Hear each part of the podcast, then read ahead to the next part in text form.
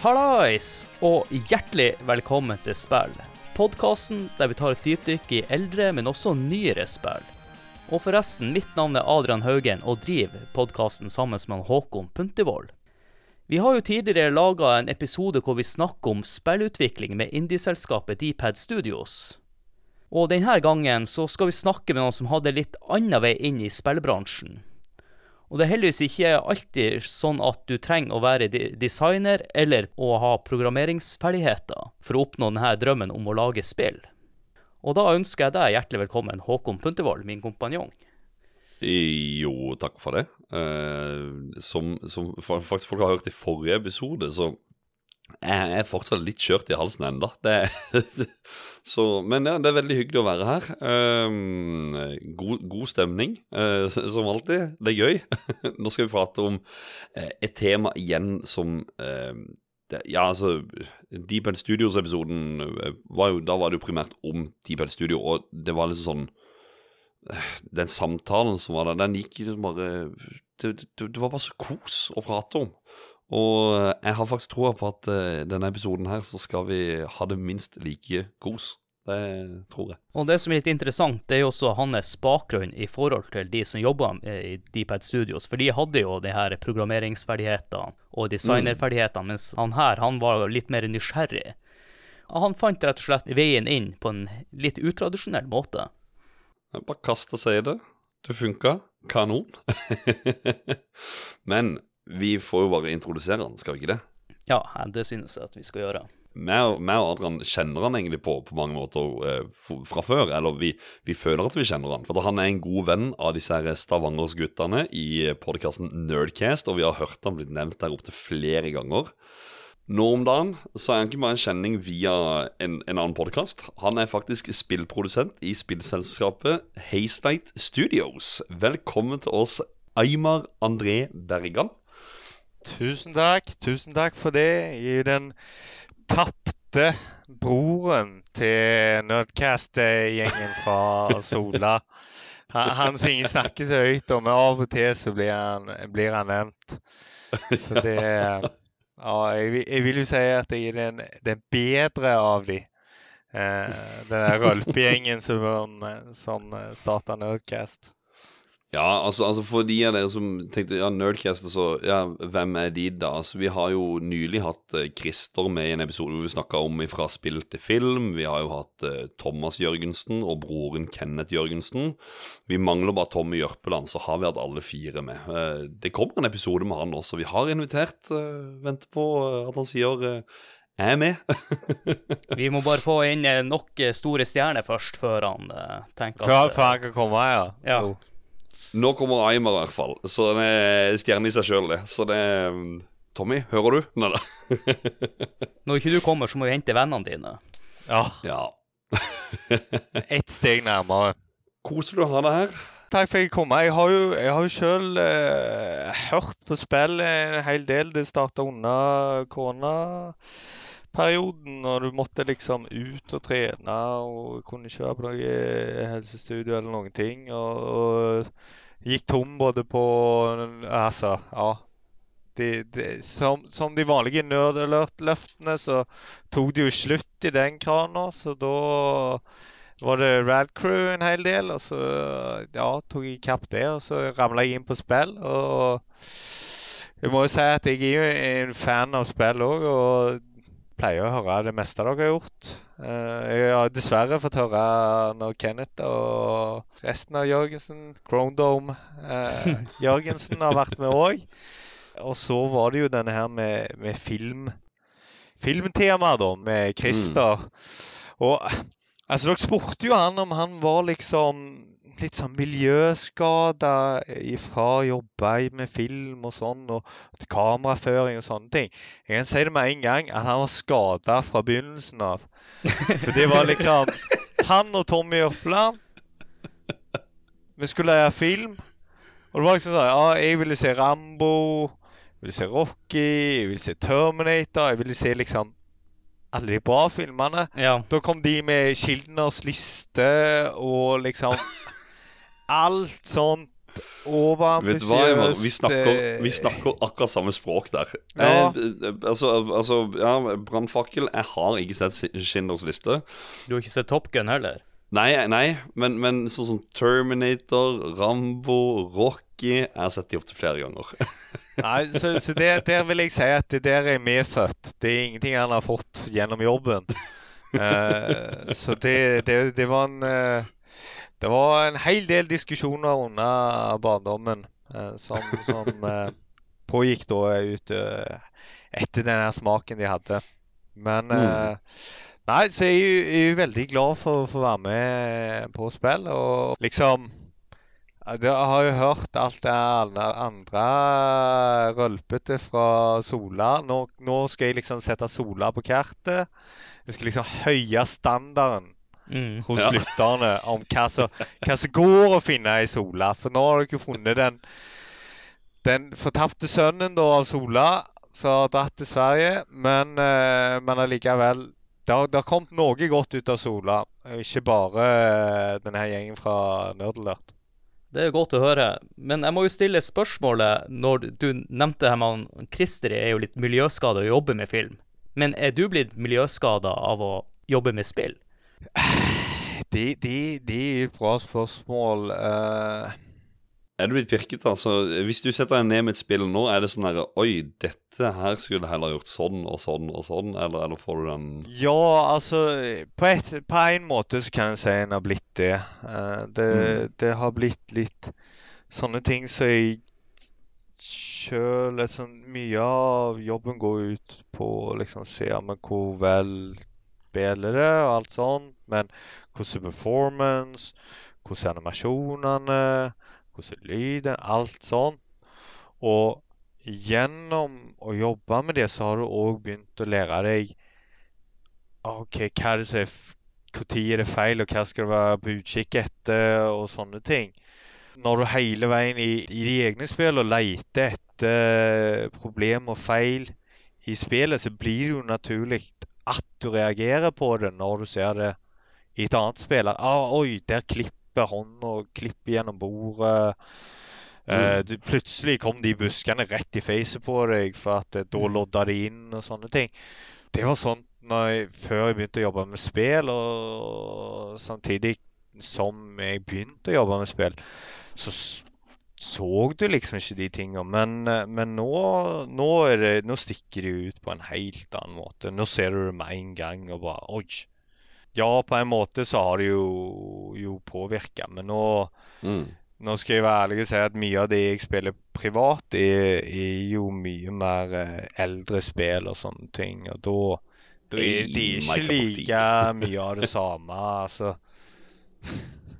Eller det, det er jo mest Nintendo 64 og den typen av spill jeg spiller, så det Det så jo ut som det gjorde. Det, det er ikke samme detaljnivå, for å si det sånn, og da, er, da, da bryr du deg ikke like mye. Så Nei. ja, delvis miljøskade av det har han jo blitt. Er det ikke sånn uh, Uansett hva man holder på med, så blir man miljøskada. Det blir jo litt som med meg og Håkon. Jeg brydde meg ikke om lyd i hele tatt, og bakgrunnsstøy og sånne ting, men nå er jo både jeg og Håkon blitt sånne lydnazier. Yes. En, nevnte du rett før vi begynte med innspilling. eh, Pinball og Arkade. Folk har fått med seg at jeg har fått veldig kjøre på det der. Nå i ett år. Det, det, er veldig mye som ikke appellerer til meg lenger, og er veldig pirkete. Det skal være sånn, sånn, sånn, sånn, sånn. For ett år siden så var det bare Nei, herregud, dette her det er jo bare kjempekult. Altså, men det er jo jo mer du sitter med ting, og altså hvis det blir jobben din i tillegg, da blir man jo på mange måter miljøskadere. Eh, sånn automatisk, egentlig. Nå har vi jo snakka litt der med å være miljøskada. Jeg tenkte at vi skulle nå eh, egentlig gå litt tilbake i tid og høre med Aymar her hvordan det hele starta.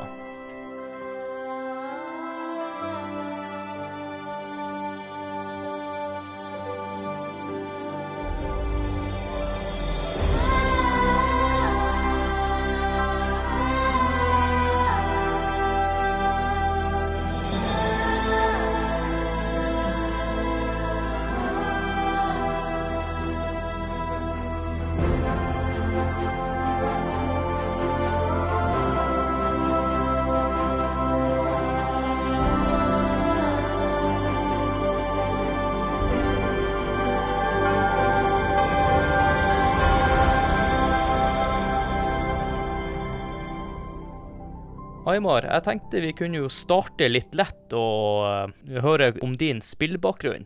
Når starta å fatte interesse for spill?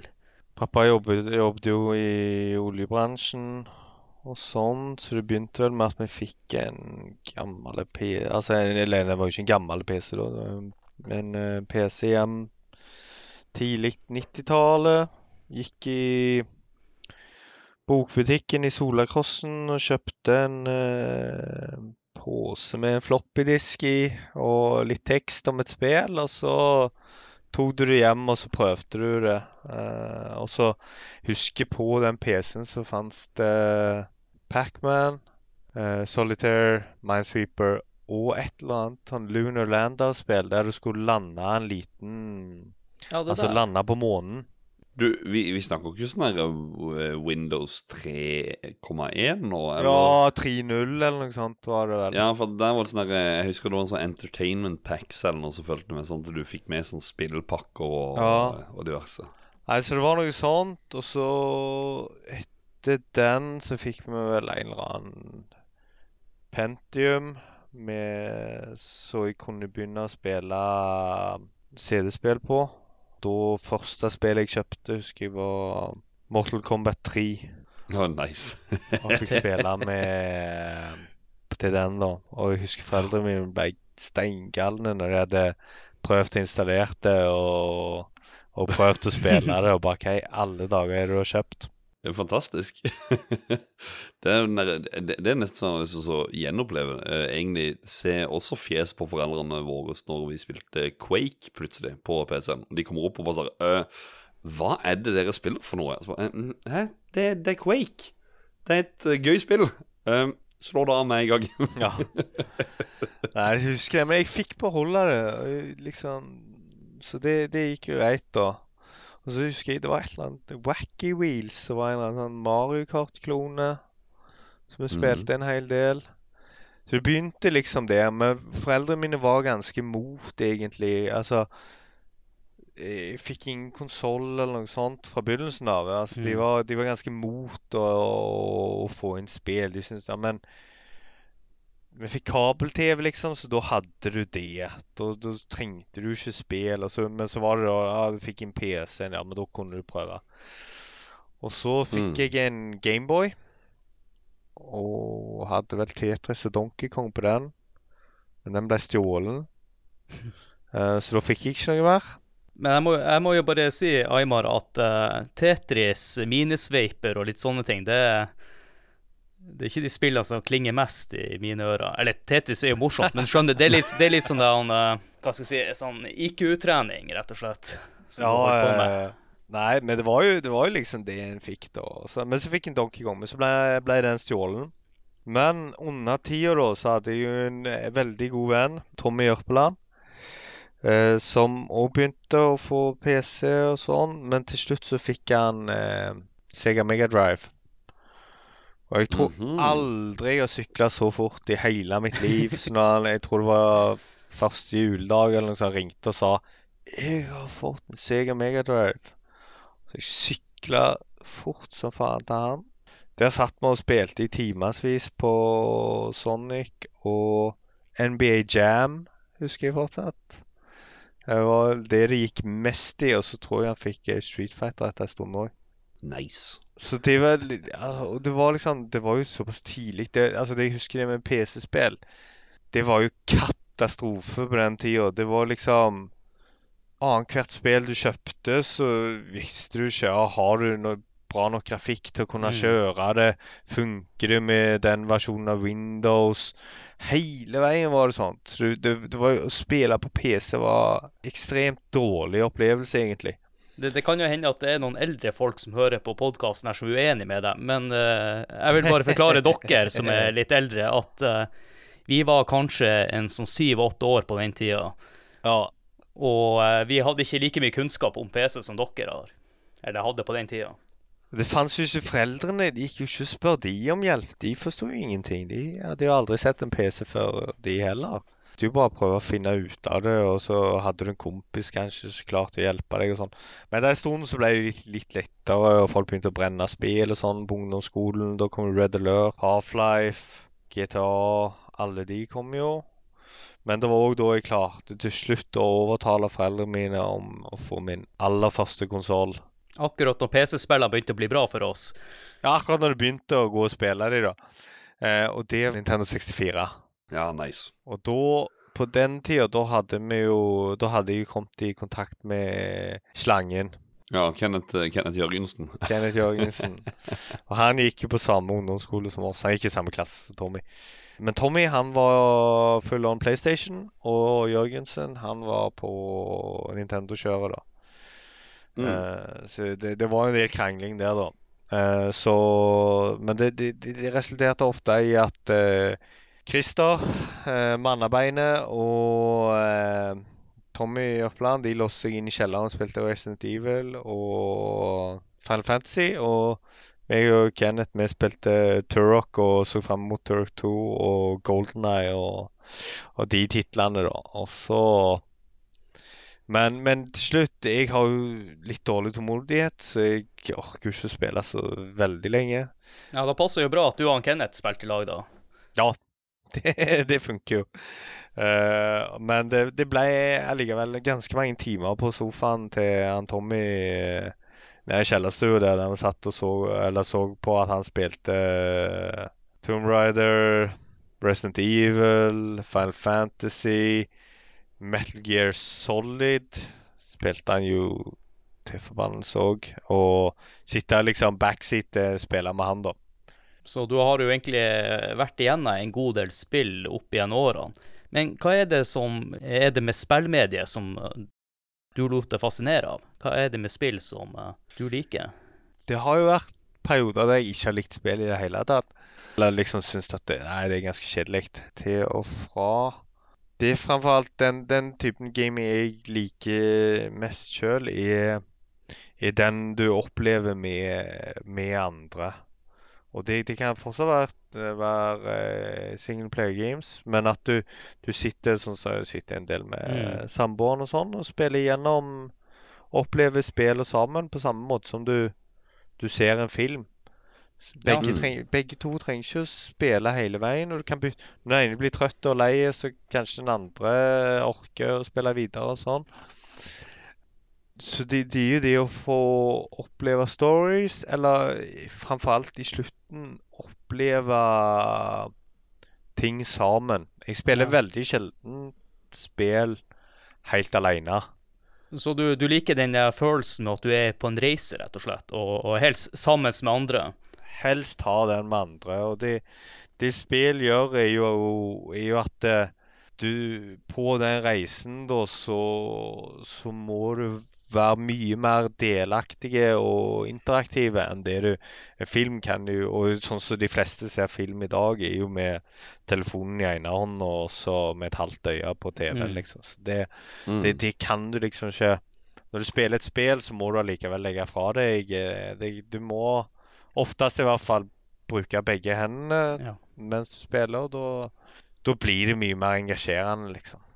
Vi har jo ikke sagt ikke sagt det introduksjonsvis. eh, Altså, altså, det, altså Spillstudio du jobber i, det, det har vi sagt. Men altså, du har jo spill som A Way Out og It Takes Two, hvor da Det er mye av det du sier der, egentlig, som eh, handler om akkurat det at du, du må sitte to stykk sammen. Og og det å sitte i sofaen sammen, da med samboeren eh, Jeg vet vi kommer litt tilbake til det seinere, eh, men ja, det er jo eh, bare sånn at det er nevnt, i hvert fall, for de som ikke eventuelt har hørt om Hayside Studios, eller ja, hva nå enn, så er det Det er i hvert fall de to spillene der. De er jo, de er jo veldig mye på det at det, det, det, det har vi jo tatt tilbake igjen. eh, Helst couch co-open, selv om du kan spille Mm. online.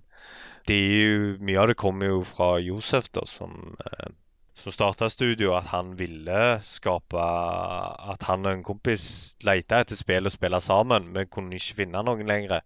Den tida er liksom forbi. Du må gå tilbake igjen til Nintendo 64 og den æraen mer for å finne spill som var mer gjort for å spille sammen. Og ville liksom ta tilbake couch co-open. Og da, da starta han studio, og vi lagde det første spillet som var A Way Out. da. Eh, og det, det er jo mye av den filosofien jeg kjenner igjen i, i det akkurat å spille spill. Selv om jeg syns at det går å spille veldig mange singleplayerspill går veldig bra å spille med, med flere, liksom. Vi spiller mye med ungene og sånn òg. Og det, det, er en opplevelse for alle, selv om alle ikke er aktive i å holde i kontrollen. Så kan alle på en måte være aktive i spillet. Mm. Uh, og det, det, det, det kan, jo komme av at Tommy aldri lot meg holde i kontrollen mens vi satt i kjelleren der han skulle spille Metal Gear Solid. Det kan jo være noe sånt, da, men uh... Jo, men, jo, men det, er litt interessant, da, for at jeg er faktisk sånn uh, Altså, når det kommer til ungene her hjemme, så må jeg bare akseptere at de skal spille. For her er det snakk om ungene. Men hjemme hos meg før det var ingen som skulle si til meg at Håkon, nå skal jeg spille. Nei, det er min Nintendo. Ikke, ikke gå og si til meg at det, det, du skal spille på min Nintendo. Men jeg lot de selvfølgelig få til å spille. Det var, var ikke sånn selfish sånn, men Det var ikke Jørpeland, altså? Nei, nei. så det var bare sånn at det, at det, det der å sitte og se på Eller, ja, ja uh, Babla meg litt vekk her. Men ja. Uh, anyhow. Kjenner meg litt igjen. Jeg har jo samme erfaringer som deg, Aymar. I hvert fall når det kommer til skrekkspill og sånn. Jeg har jo vært med på reisen i alle Resident Evil-spillene og uh, Silent Hill, men har jo aldri nesten holdt i kontrolleren sjøl og spilt. Det er jo ikke før nå i, uh, i høst, eller i fjor, da, at jeg runda Resident Evil 1 alene, den remaken. Det var jo en spesiell opplevelse, for jeg er jo i pysa. Og det verste av alt, jeg har jo tenkt å streame flere sånne skrekkspill i framtida. Det er noe som fascinerer meg der. Men jeg har det samme erfaringa som deg, Aymar, med det her. Det jeg også husker, bare for å snakke oss litt bort, det, fra jeg var liten, det er også at uh, jeg hadde en i gata, han uh, var enebarn, så han, hver gang han var hos faren, så fikk han jo låne forskjellige spill. Og da kunne vi være ti stykker som så på mens han spilte, og så prøvde vi også litt. Men det var også det han, teoriene vi kom med som fascinerte meg. Med f.eks. Megaman. Var det en robot, eller var det et menneske? Var det en pistol han hadde inni armen? Så, så spillet ble noe mer enn det egentlig var tiltenkt. Det lekte med fantasien vår også. Det var, en, det, det, det var, det jeg skulle frem til i stad. Det det eh, jeg tror det er en viktig del det også, å se på andre spillere også. Jeg tror det er faktisk med å eh, egentlig kan gjøre spill ja, større. Altså at man snakker litt mer rundt det. Jo, men det, det er jo bare å se hvor stor Twitch er. Streaming mm. av spill. Og den, den audiencen som finnes der, det, det, er noe med at kunne være med på reisen, og vil være med på reisen, selv om du kanskje ikke er kapabel å spille det sjøl. Sånn jeg skulle aldri ta mm. meg gjennom et Dark Souls-spill, men da har jeg muligheten å kunne se noen andre og være med på opplevelsen mm. og sånne ting. Ja. Det, det er klart at det fins en, en, veldig stor kraft i det, da, som, ja, som, som i hvert fall har vært den drivfaktoren for meg. For eh, når jeg altså nå, nå, sier du at jeg ikke var en programmerer her i introen, men jeg har jo tross alt en sivilingeniørseksamen og Det, det, det, må, det må vi klippe bort. men, eh, men, men, men, jeg vil ikke kalle meg en programmerer i dag. jeg har, har, lært meg eh, det. Men, da, med, da, hadde vi til og med forelesere fra Dice. Og alle var sånn Wow, spill! Oh, og, for vi hadde kurs som handla om spill. og og vi skulle ta fram egne spill, og vi hadde masse forelesere fra forskjellige deler av bransjen og sånn. Uh, og jeg syns det var mest bare tull og tøys. Å oh ja, du fant ikke det interessant? Nei. Ja, det er jo merkelig. Ikke det minste. Jeg var sånn uh, Hvorfor sitter vi med dette her? Og så var det sånn ah, dere må prøve å spille den demoen til Batman og sånne ting. Jeg bare orker ikke. Hva, hva gjør det meg, liksom? Så jeg, jeg var liksom på den, det nivået. Men så tror jeg det ble Altså, jeg ramla jo litt tilbake igjen i det, da. For ja, etter, etter Nintendo 64 sånn Jeg hadde PlayStation 2, hadde to-tre spill til det. Spilte det ganske lite. Liksom var jeg allment ikke så interessert.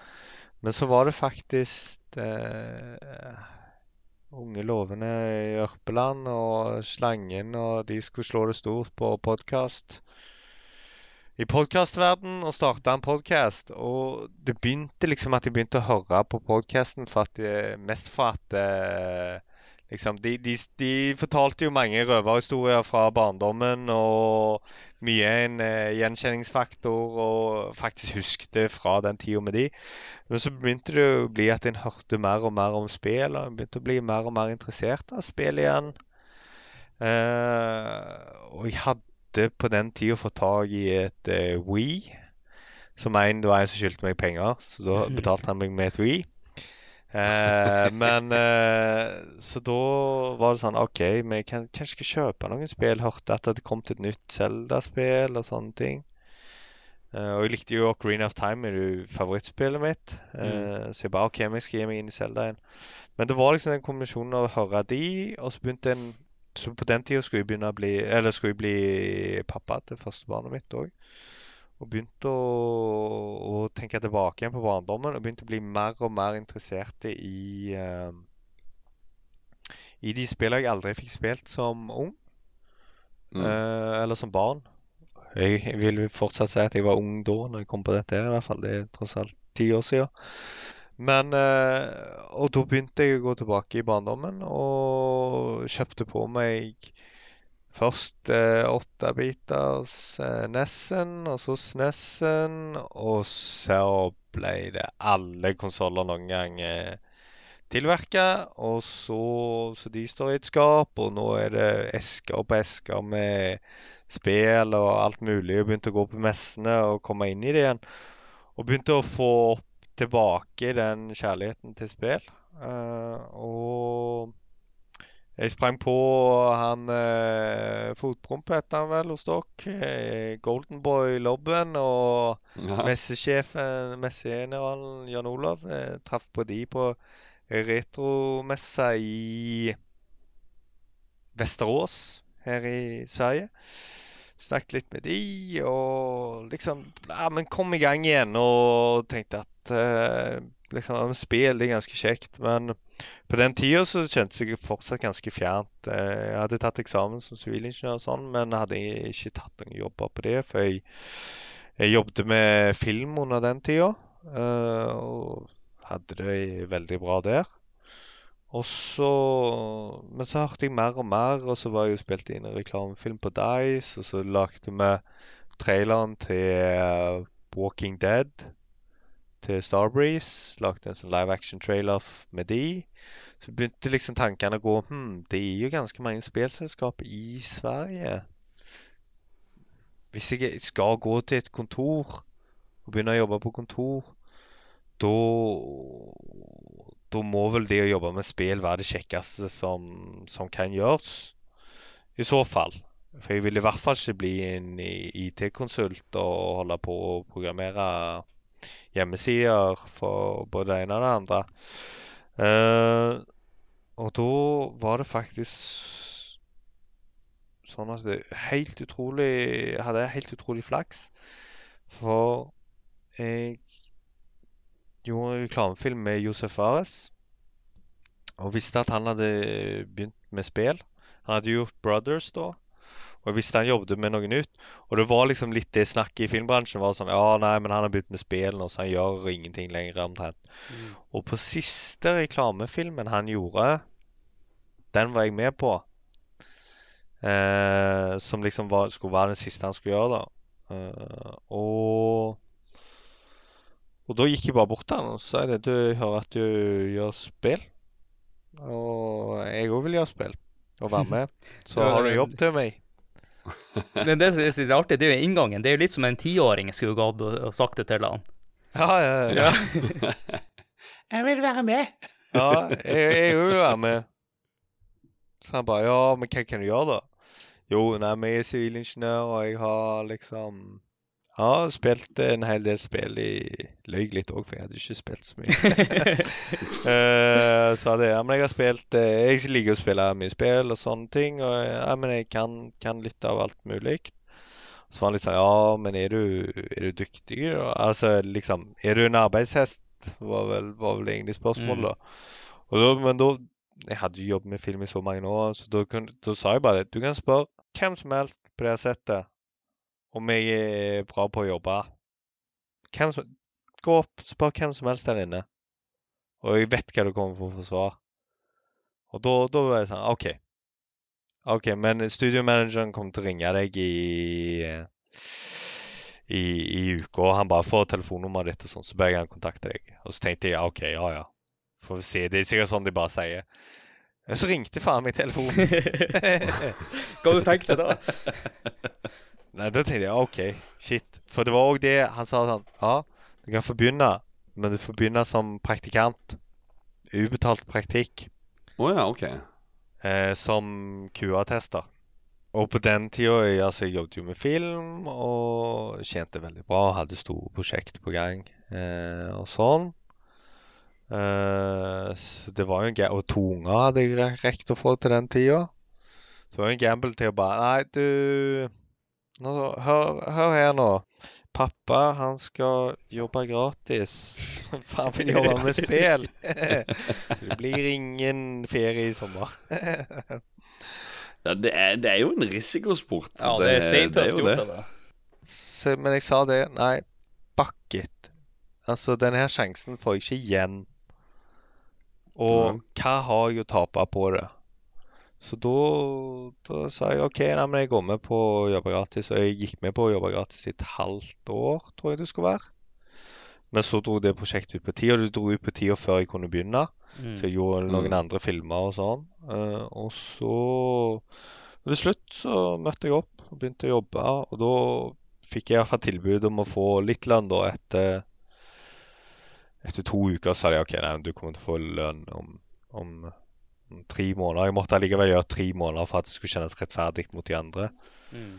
Ja. Og så Men så gikk det Etter det så gikk det fort. For jeg visste jeg trenger bare å få én fot inn, så kommer det til å løse seg. Og da tok det en tre måneder, så ble jeg eh, sjef for QA-avdelingen.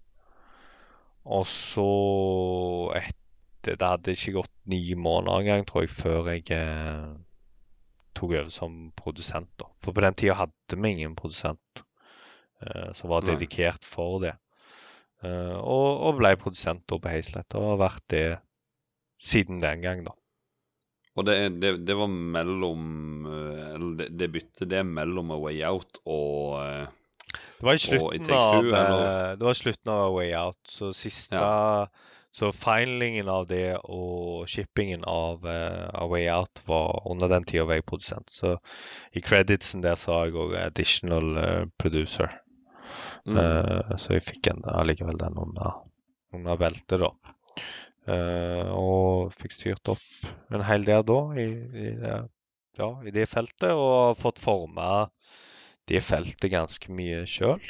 Så det, Mm. det, jeg vet at det, det, det er en ganske stor forskjell på hvordan, hvordan produsentrollen ser ut hos oss sammenlignet med, med andre studier. da. Var du like høyt oppe sånn, altså, når du er produsent i et spillstudio eh, Var du like høyt oppe eh, i filmbransjen, på en måte? Sånn, altså Siden du jobber med film, så gikk jeg tenker du går jo opp et stykke der, og så her begynte du på spill. Eh, Og så Du er jo ganske høyt oppe der nå. Mm. Ja, på, på, på en måte, ja. Altså, jeg, for jeg jobber jo på Når jeg jobber på film, så jobber jeg med lys, og da, da er jeg belysningsmester ganske ofte. Begynte å gjøre det på en hel del eh, film og reklame og sånne ting. Eh, og da har du jo en A-funksjon, liksom. Så det Da er du jo Mm. på sett er du blant de høyeste oppe, da. Det er er jo den som snakker mest med fotografen, og en del med regi og sånne ting. Og på filmproduksjon så er det jo med produsentene for filmproduksjonen, og mye planlegging og ressurser og alt sånt. Så det, det er ganske høyt oppe der òg, skal jeg nok si. For du, du leder jo en hel avdeling, da. Ja, ja, ja. Så det, det er jo klart at den erfaringen jeg eh, hadde samla under de at Da hadde jeg vel jobbet med film i ti år. Så de, de jeg hadde der eh, Ja, for jeg begynte ganske tidlig. Jeg gjorde det samtidig som jeg studerte til sivilingeniør. Mm. Så en har jo har rukket med en hel del titler der òg. ja. Men eh, jeg foredro å gjøre reklame, for det hadde best betalt, men òg best utstyr og bedre planlegging og tid for å gjøre alt, liksom. Men uh, Ja. jeg vet ikke hvor mange filmer jeg har gjort. Ganske mange. Vi har gjort én norsk film med Joakim van Trier. Ja, det er jo en uh, liste å finne inn på IMDb, har jeg sett. Ja, nei, det finnes det- ikke. Jeg lurer kanskje noen av de seneste jeg har jobbet på, har kommet inn òg nå. Vi får se. Ja. Det er noen som har premiere nå i, ja, i april og sånne ting. Mm. For det, tingen er det at jeg jobber med film fortsatt ved siden av. Men jeg har ikke klart å slippe den verden helt, skjønner du. Men hvordan eh, lar det seg kombinere, da? Ja, er, det- er 50-50, eller er det litt sånn. Nei, det er ikke Spillprodusent by day og belysningsmester by night. Eh, så Ja. det, av og til så jobber jeg natt med film. Under første året på A Way Out så, så hadde jeg en deal med Josef. I og med at jeg ikke tjente noe spesielt der, så tok jeg én dag i uka og jobbet med film. Uh, Ja. Og jeg fikk en valgfri dag i uka, så da, da hadde jeg en dag i ukedagen òg der jeg kunne fylle med film. Men uh, nå er det mer når jeg har tid. Så nå er det helg eller natt, kveld. Eh, Men også er det ikke Det er jo klart at det ikke blir like ofte da. Mm. Men eh, jeg har vel rukket å gjort to norsk, musikkvideoer til to norske artister. Eh, Astres og Julie Bergan Ja. har jeg rukket å gjort under den Store navn. tida. Så har jeg vel Jeg tror fortsatt Jeg vet ikke om jeg har rekorden fortsatt, men jeg jobbet på en musikkvideo til Major Lazer og Mø ja. med. Lean On. Og den har vel Sist jeg sjekket, hadde den vel tre milliarder visninger på YouTube. Og var en av de, de mest sette videoene der. Nå har jeg ikke sjekket på lenge, så jeg vet ikke hvor han ligger der. Så det Pink gjorde jeg òg en gang. For de som Du har husker vært hun. overalt. Ja. Ja, det har vært, det har vært litt, eh, litt eh, alt mulig. Litt alt mulig. Og det det er jo Det er sånn som jeg pleier å tenke på det. Det er jo Mye av barnedrømmene har jo gått i oppfyllelse nå. Jeg har jo fått, Mm. fått jobbe med film. Med, jeg har fått jobb på Beck. Jeg har fått jobb på Jeg har jobb Altså, jeg, jeg har ikke fått jobb med Jeg har ikke fått jobb på en James Bond-film. Jeg har jobb med James Bond-skurk. Ola Rapace. Ja. Ja, han har jobb med, men jeg har òg jobb med Mads Mikkelsen. Nei jeg, Ja, han er faen skurk i heter han? Casino Real. Eh, ja, jeg husker ikke hva det heter. Men uh, også har jeg jobbet med Bond-dama, som var hun Isabella Skrupko fra Golden Eye. Og, så har jeg jobbet med Daniel Craig. Så da er jeg liksom Jeg har, jeg har vært inne hos alle Ja, det er han, han som er skurken i Tomorrow Never Dies. Tomorrow Never Dies, er det nok. Han med eneste James brillene. Bond-filmen jeg ikke Ja, har sett. ja, jeg vet ikke hvem, hvem det. Jeg tror, jeg tror jeg tror, tror, han, han var med i en eh, Glenn Close-film jeg var inne og jobbet litt Ja, riktig. Nå er det én ting igjen. Det er én ting igjen. Og det som jeg vil jobbe med, det ser du i hylla bak meg. Er Peker du på Turtles eller Batman, eller er det Ghostbusters, eller er det He-Man? Svenske He-Man med Nei, han, eh, han eh, Dolph Lundgren. Herman, sven- Ja. Dolph Lundgren. Ja, han har jeg faktisk ikke jobbet med. Nei. Det, den, den litt, det, det hadde jeg gjerne gjort. Jeg gikk litt bare og gjøre en reklame med han. Men eh, ja, Backstreet Boys har jeg jobbet med òg. Det, det var liksom gamle helter fra barndommen. Men det er faktisk leker. Det er Ja. det siste, liksom. Hvis du tenker deg som barn, hva er det kjekkeste, liksom? Hva er drømmejobben? Det er liksom Da er det sånn spill, leker, film. Det var iallfall drømmen min. Mm. Og, så nå det er én jeg har igjen på den lista for Ja, ja, ja. å liksom sjekke av alle. Så, så eh, like mye med den tanken at én dag en dag. Og det, det er ikke egentlig så viktig hva jeg gjør. Om du så når jeg går i pensjon og åpner en liten leketøysbutikk eller et eller annet sånt. Skal du ha tips? Du jobber både Mm. film og du jobber med spill, og man har jo Lego-franchisen.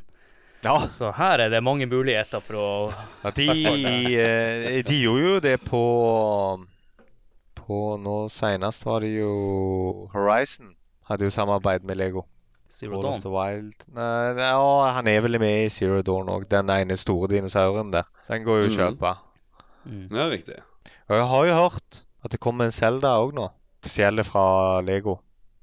Ja, det har, det har blitt brukt av noe, eh, noe trademarks og diverse som, som Kommer nok et eller annet derfra òg. Og så er det jo selvfølgelig Mario-legoen, da, som er Mm. Så det, de begynner jo å komme mer, mer og mer eh, nærmere innpå, da. Så det eh, Altså, Lego er det største leketøyselskapet som ligger i nærheten av Mm. liksom Med geografisk, da. Med, men jeg har ikke akkurat så jævla lyst til å flytte til Danmark. Ja, vanskelig språk òg. Nei, jeg forstår ikke hva jeg prater om. Nei, fy faen.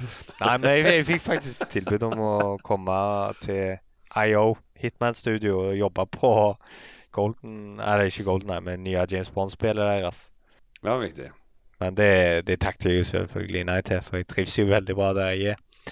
Mm. Men uh, Men det er helt utrolig å kunne få bli spurt om sånne ting i dag. Det Er ikke veldig sånn surrealistisk? ikke sant? Her er Bare på noen år så har du gått ifra at mm, jeg begynner å få interesse for spill igjen, til faktisk å jobbe med det og, og vært Ja. med på store titler. Så har du egentlig den der, kall det nesten, nesten guttedrømmen. Hvis du tenker på det, altså fra å begynne å være litt interessert eh, i spill til å faktisk vinne Game of the Year på Game Awards eh, Mm. innen løpet av kanskje fem år. Eh, som eneste produsent òg på det prosje- prosjektet. Det, det har jo gått veldig fort. Ja. Nei, det er massivt. Det er jo faktisk Jeg må jo egentlig bare gratulere med det. For det har jeg aldri hatt muligheten til å gjøre med, med, med Voice, men uh, gratulerer med den. Det, Ja, det er jo det er, det er vel fortjent. Jeg skal jo si, jeg har jo ikke runda i Takes Two, men uh, jeg har spilt det. Det er uten Ja, ja men jeg har, jeg har ei her hjemme, skjønner du, som er eh, hun, hun er sånn der Bare hun dør i Sonic, så kan hun geine kontrolleren i gulvet og nærmere knuse han For hun, hun, hun, hun blir så forbanna. Og det er sånn der, Ja. Eh, jeg vet ikke om jeg tør å spille med henne. Hmm, kanskje det er streaming session her sammen med Adrian, eller Ja. eh, jeg vet ikke. Hvor langt har du kommet, da? Og jeg husker ikke Jeg vet ikke prosentvis. Eh, for at det, det, det var ikke hjemme hos meg. Hvem var det hjemme hos? Du får se om du kommer på det, hva du husker fra, fra spillet. Jeg jeg befatter meg i taushet når vi snakker om de spillene jeg har vært med på. Skal ikke si noe mer om dem. Så, så det er bra, Håkon, at det er for noen som har uh, testa det ut. Ja, testa litt, sett litt, uh, men uh, Ja, sett litt på uh, våre eh, samarbeidspartnere eh, KK og Steelboy fra podkasten Ragequit. Og de to spiller sammen. Det er en god duo, for at det, det var litt sånn derre Nei, nei, nei, nei, nå må, nå, nå, nei, nå må du høre Nå skal du stå der, og så skal du gjøre det. Altså, ja, men, ja, men jeg gjør jo det. Altså, så, så den, du, du får den kjeftinga mellom hverandre og Ja, et godt resultat, spør du meg. Det som kunne vært gøy, er jo det du sa, Håkon, at vi spiller i lag. Og så har vi kanskje han Aymar her som eh, kan Fy eh, faen, jeg være han som Siden han er vant til å allerede se på folk spille, så kan han kommentere litt og gi oss litt tyn. klikka Og... på det. Jeg hadde klikka på det, Adrian. jeg, jeg, jeg, jeg vet det. De må jo sett det. Det har vært et spill som veldig mange har syntes det har vært eh, Det plukkes jo opp veldig tidlig av eh, streamere og sånn på Twitch. Mm. For at akkurat det at du, du, det gir muligheten å ha collabs mellom store streamere og sånn, at de kommer sammen og streamer, gjør jo at du kan få en helt annen dynamikk, en helt annen liksom ny flavor til eh, mange av disse, i hvert fall de som eh, vanligvis streamer storiespill. Mm. At de, de kunne da komme sammen. Og det er jo Speedrunner-communityet på It Takes Two er jo det, det, det, det er helt sinnssykt det de har klart å få til. Du, kan jeg spørre deg Det, det er litt gøy. Og, og Sånn som for deg som produsent eh, Eller jeg, jeg, det går jo egentlig for hele spillselskapet, alt sammen, men siden vi sitter og prater med deg nå Åssen er det egentlig å se når folk speedrunner, og så har de liksom De breaker å spille på en måte? Altså, eller de, de finner liksom de her eh, punktene som er sånn herre Hei, jeg bare hoppa gjennom her, og så kom jeg til den, der, den biten der. Du, du klør deg i hodet og lurer på hvordan i alle Og det er bare Men i helvete, har du ikke Hvordan fant vi ikke det? Eller hvordan i helvete Hvordan klarer de å tenke i de her banene engang? Mm. Altså, det, det, det er så syke ting de klarer å få til. Og det er liksom sånn Ja, men vi har testa oss og sittet og spilt dette hver eneste dag i år etter år under utviklinga. Og til og med de som har lagd det, sitter og bare Hvordan er det mulig? Ja. Det, det, de blir helt Og de gjør det så fort! Det går så fort! Altså, eh, verdensrekorden any percent på PC det er med online gameplay. Det er 1 time, 27 minutter og 13 sekunder. Det er en tysker og en amerikaner. På 22.-plass der med 1 time, 45 minutter og 16 sekunder, da er det en amerikaner og en nordmann. En fra Norge. Eller Nor Norge. og så er det en del svensker også nedover her også, ser jeg. Så det Ja. Ja, det, det er helt sinnssykt. Det er helt sinnssykt. Og det, det er liksom eh, det, det er en liten hemmelighet eh, fra, fra innsida. Og det er at selv om det ikke syns i alle sånne kanaler og i streams og sånne ting, så kan jeg nesten garantere at det alltid er noen fra studio som er inne og ser på, eller Og spesielt rundt release. Mm. Det er jo Ja. sånn som når det, det var konkurranse på det var, For det var en sånn speedrunning-konkurranse. Den streama jo med i, i studioet. Å ja. Så alle, alle, altså, sånn at alle ansatte satt og så på de her som konkurrerte, uten at de, de visste at alle vi satt og så på når de spilte. Så det, det, det, det er en ting jeg liksom innså nå når vi sitter på Når du sitter på andre sida, at du tenker sånn Ja, ja, men om jeg bare kommenterer dette i det forumet der, så er det liksom ingen sikkert ingen fra de som har jobbet på det, som ser det eller bryr seg om det. Mm. Men, Mm. men du det, det, det er faktisk sånn at de fleste er inne og ser og følger opp og, og sånn. Og de går ikke de, de, de, de pleier, En pleier aldri å si at du kommer fra Eller veldig sjeldent si at du kommer fra studio, eller at du har jobb, jobbet på spillet. Men, men eh, av og til så kan du få en hjelpende hånd av, av faktisk den som har har gjort puslet eller gjort eh, den delen av gameplayet for eh, hvordan du kan ta deg videre eller sånne ting. I stream eller lignende. Når jeg streama det nye Flåklypa-spillet Vi fikk jo en sånn press kit-utgave av det pga. Flåklypa-episoden vi hadde laget tidligere. Så skulle jeg streame dette her, og da var det egentlig noen, noen nikk her og der og der, og så var det noe etternavn på et nikk, så jeg var sånn der Vent nå, herregud. Her var det jo sånn der eh, fem stykker fra Ravn Studio som var inne og så på streamen. Jeg visste at hun ene var der, og det, det, det, for hun sa at hun skulle komme innom. Men så var det litt sånn etter hvert som jeg bare så at de hadde trykka follow eller liksom skriver hei til chatten eller et eller annet sånt, så bare Holy shit. Her, er- her, er- her er det jo mange som følger med. Eh, nå må du bare spille bra, Håkon. Bare- bare- Nå er jo ikke Flåke på et sånt vanskelig plattformspill, men, men, eh, men eh, ja, altså Jeg kjenner for den følelsen at eh, oi, her er det faktisk en del av folk som, som har jobba på spillet, som plutselig sitter og ser på. Jeg tror jo det er veldig viktig, der, for det er jo eneste måten å egentlig få bekrefta på hvordan spillet ditt gjør det. Du har jo spilltester Mm. og sånn, men de har et annet fokus enn en vanlig spiller har. Det, det, du- det du òg har, er jo sånne spilltester der du tar inn Det går jo å signe opp på sånn EA playtester og sånne ting. Får vi spill ofte å være playtester? Ja, det, det, det er jo bare å anmelde dere hos sida, men, men eh, labbet ligger jo her i, i Stockholm. Men Ja. eh, da, da, blir det da er det jo sånn at du blir invitert for å komme og teste det i en veldig tidlig fase og sånn. Og så får du gi feedback, og den går jo direkte til oss. Og så, basert på den aggregerte feedbacken, da, så så gjør jo vi faktiske forandringer i Og det kan være veldig store forandringer i spillet for, for å forberede det innenfor for en release og under utviklinga. Vi på Mm. Hazelight vi tror veldig mye på, på den typen av uh, feedback og, og test. For at det Alle er jo kompiser i studioet, og det er liksom Du får liksom litt den det er samme som når samboeren prøver en ny kjole og spør om hun er fin. Selv om du kanskje ikke alltid liker den kjolen, så kommer du til å si at jo da, den er veldig fin, den. Eh, for at, og, eller en kompis bare 'Å, jeg har kjøpt denne nye den nye jumpaen eller den nye bilen', eller noe sånt. Så bare 'Ja, ja, den er kjempefin, er den'.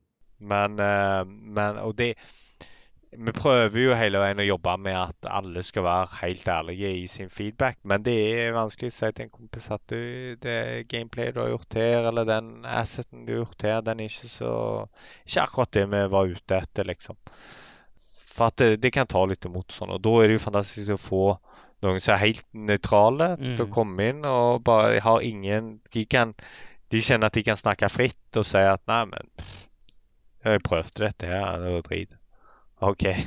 Ja, nå var det så mange som har sagt at de ikke liker denne, så enten må vi ta det vekk, eller så må vi gjøre noe drastisk. Og så, så får du ganske store reaksjoner i, i spillet, da.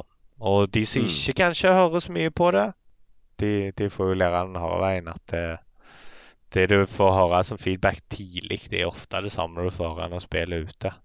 Det er jeg litt nysgjerrig på. eh, Det er jo det der eh, med motion capture. For du har jo drevet på med det òg. Kledd opp i sånn drakt og Ja, ja, ja. Det var jo en del unna, unna Way Out, og da var det jo Det var jo et eh, et prosjekt som, som egentlig var mer indie fra begynnelsen av, og så ble det bare større og større og større, og mer og mer avansert. Men det ble jo at vi gjorde Altså, Josef gjorde jo Josef og studiemanageren gjorde all mocap til Leo og Vincent, hovedkarakteren i spillet og sånn. Og det var Vi hadde et lite rom, et lite studio på Dice, for vi fikk sitte i lokalet deres. Og så fikk vi springe ned der og, og spille inn, da. Og da, var det en kveld, eller en ja, ettermiddag når jeg satt og jobbet, så kom Josefine og bare Du, kan du være med ned og spille inn litt senere? For vi, vi, trenger, vi trenger en til, liksom. Vi skal spille inn noen fangescener og sånne ting. Så OK, ja, nei, men For han bare Ja, men du har jobbet med film, sånn, du vet litt hva, hva det Mm. går ut på. Uh, så jeg bare Ja, ja, nei, jeg blir med, jeg. Og var med ned og spilte inn De begynte jo litt sånn lett.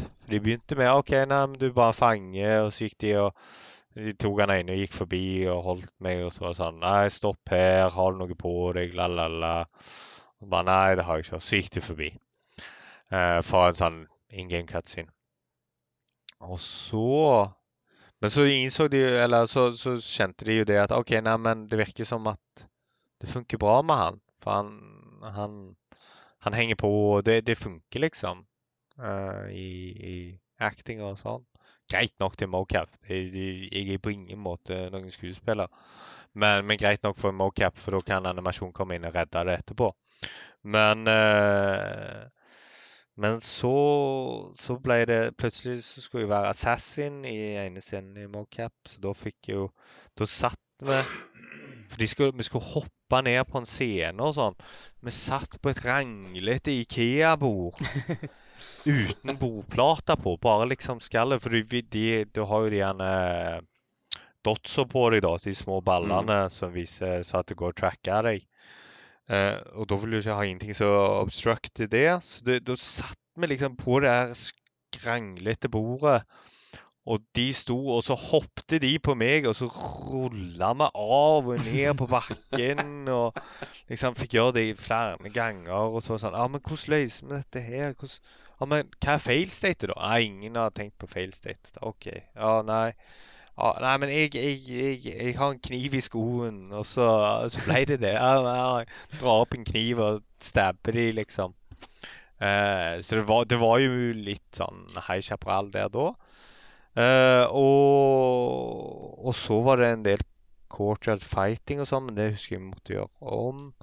Men det var én scene, og det var Det er en torture scene i A Way Out, der de får tak i en og begynner å torturere han. Og da, da skulle de forsøke med forskjellige, forskjellige måter med tortur, da. Og etter den innspillingssessionen, da hadde jeg blodmerker overalt. Og, var, og de Jeg husker Så var det Den ene tingen de gjør, er å ta en sånn liten blowtorch og skal grille dikken på, på Holde mot dikken på han. Og da Så da, da, da, måtte jeg jo sitte der og bare skrike bare 'Not my dick! Not my dick!' og så kom jeg tilbake igjen dagen etterpå, og da, da, da, da hører jeg bare noen sitte og ler. Og så kommer de gående forbi og bare 'Not my dick! Not my dick!' Og da, var det han designeren som skulle sitte og implementere det, satt etterpå og hadde sett igjennom materialet, da. Vil du ha et tips til eh, hvis, folk, hvis, dere skal lage noen flere sånn torturscener i framtida? Hent inn noen som liker BDSM. Mm. De er sikkert gode på det. det, er jo ikke en dum idé, kanskje. Nei, det var så, så, på den måten begynte det, da. Og så har vi jo vi har et eget mocap-studio i nye studioet vårt, da. Og der eh, der har, har, jeg hatt stort ansvar for å se til at det flyter på, at vi har utstyret vi trenger, og uh, styre opp innspillingene og sånn. Uh, og da blir det jo av og til at du må hoppe inn når, når det ikke finnes noen, eller vi mm. må ta noe internt istedenfor å fly over skuespillere og sånn. Så, mm. så, det har blitt noen ekstra credits i Tix2, så fikk en vel være en bouncer, nightclub og ekorn i Tree og litt sånne ting. Så det, det, de liksom Som i min rolle som produsent så handler det hele veien bare om å finne løsninger på hvordan får du løst det mest effektive og kjappeste måten, liksom. Og da, da får jeg gjøre litt av alt, liksom. Så på en måte så er det liksom som Kojima nå. Du må bare fortsette å ha liksom easter egg der du har liksom innblanding i selve spillet. Mm, mm, nei, det, det, er mye Spesielt Josef har jo en hel del. Eh, og det, det, det Med Jojo Jojo òg eh, faktisk eh, Leo Vincent, det er et easter egg i, i Text2.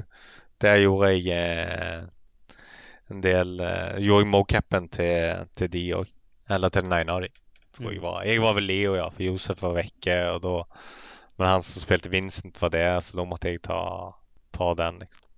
Det, det handler hele veien bare om å løse problem. Hele ja. veien. Men nå er det sånn at er alle hverdagene veldig hektiske, eller er det som i alle andre jobber at det er på slutten? Det, det er nesten til å unngå at det ikke blir eh, mye eh, jobb på slutten. Det er den berømte crunchen, som de kaller det for. Den berømte crunchen, ja.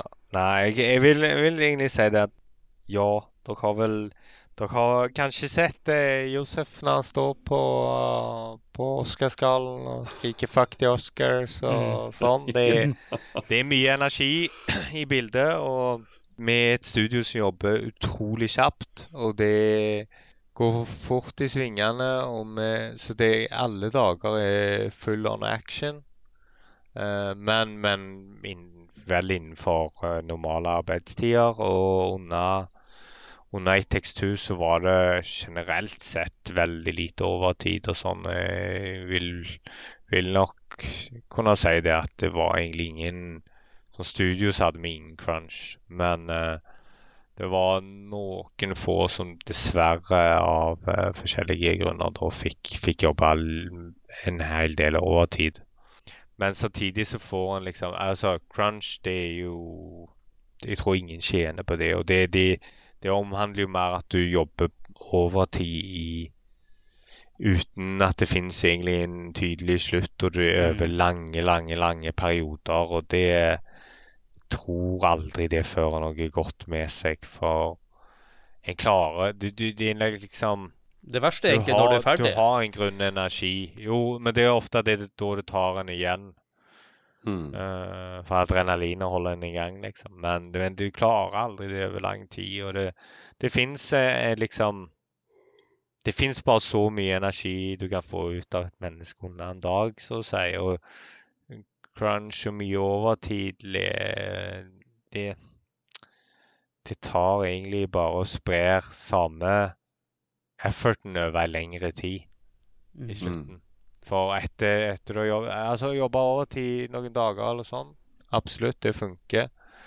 Men til slutt så blir folk såpass redusert i, i bare vanlige åttetimersdagen pga. at de har slitt seg ut tidligere og må liksom lade om, og da går det det, det går aldri bra i uh, lengre tid, og det, det er noe vi, vi jobber veldig mye med for å holde oss vekke fra.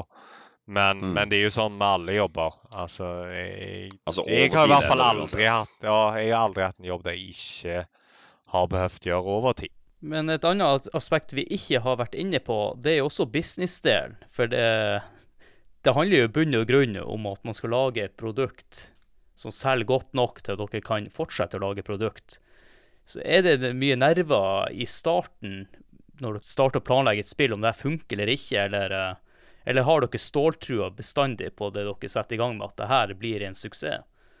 Det, det, det vil jeg si liksom der er, der er jo Josef den som driver oss til 110 eh, gjennom sin visjon, og hvordan han pusher teamet og viser tro Mm. i teamet. Han tror så mye på teamet og er helt overbevist om at vi har klart å lage suksess tidligere. Og kommer til å gjøre det igjen. Og, og vi jobber Vi jobber veldig iterativt og prøver oss fram, tester oss fram hele veien.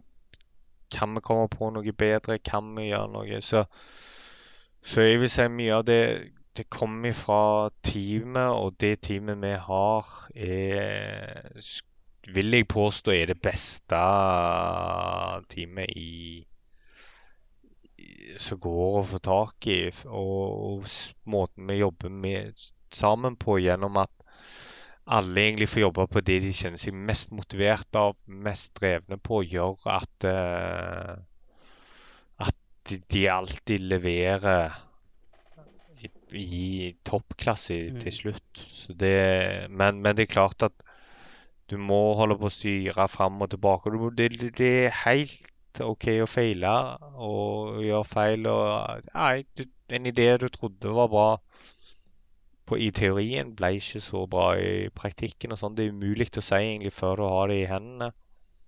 Så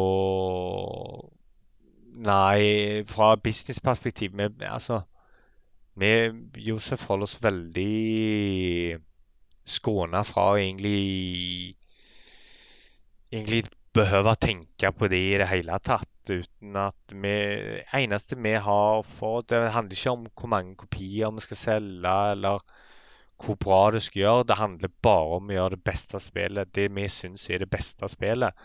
Fordi de, de, de er jo sånn Hvis du ser på It Takes Two og A Way Out Om du kom i 2014-15 og sa at nei, men jeg skal gjøre et spill som helst skal spilles i couch co-op.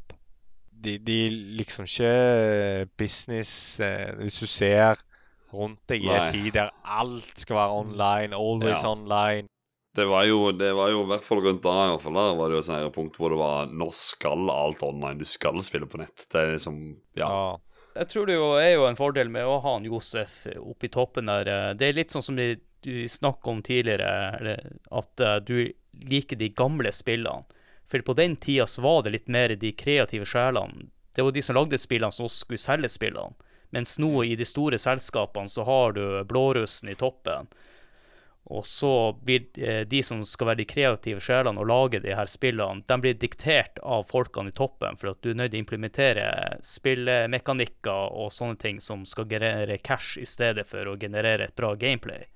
Nei, de, de, de, de, de er dessverre veldig mye sånt, og det, det ser en jo med streaming, og det òg at det, kreativiteten dør jo veldig lett da det Og jeg syns det har liksom skjedd snakket med noen av designerne tidligere i dag om, om akkurat det at en av grunnene til at jeg spiller de spillene, er mer at variasjonen er så mye større der. Du får så mye, prøve så mye eh, forskjellig.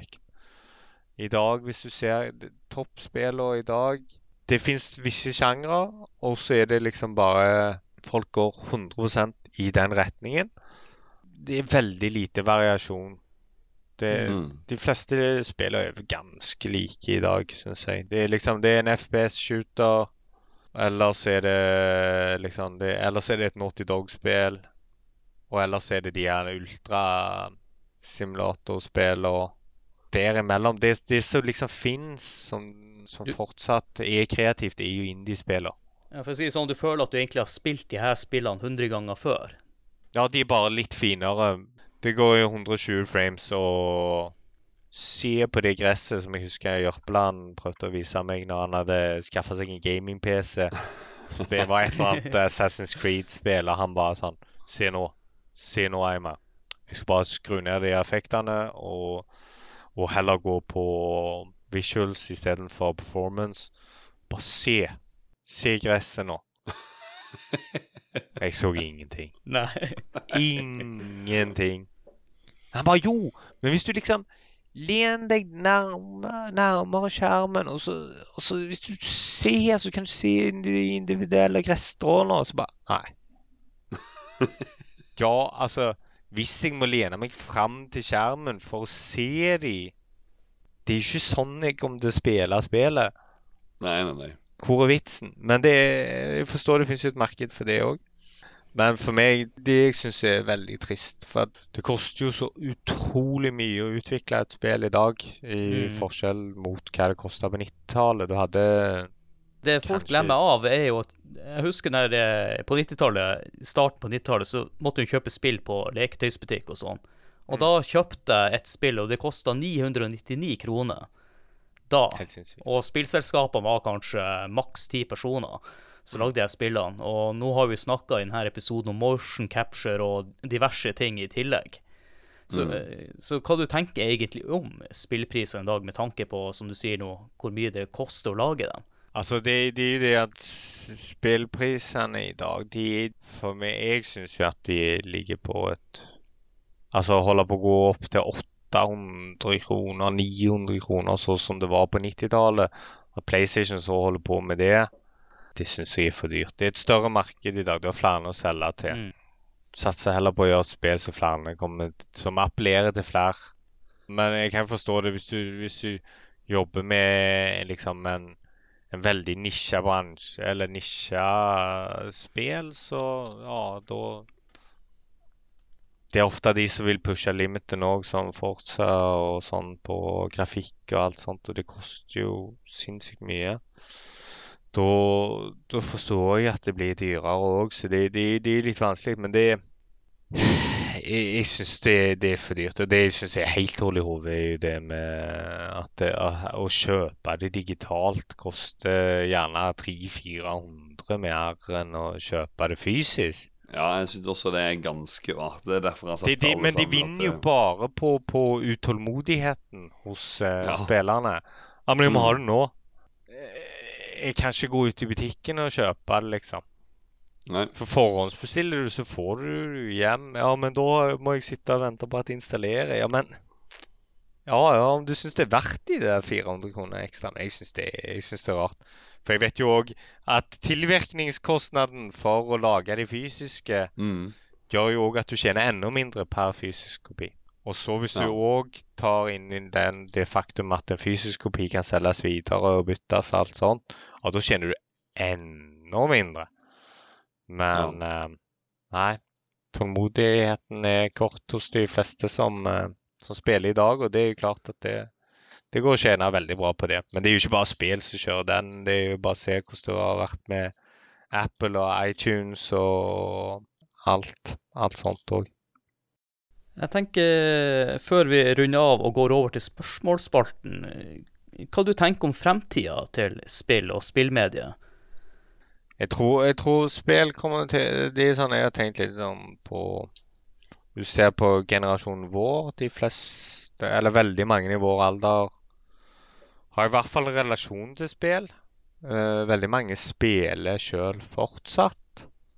Uh, og jeg ser jo nå neste generasjon, altså ungene mine, da. De spiller jo hele veien.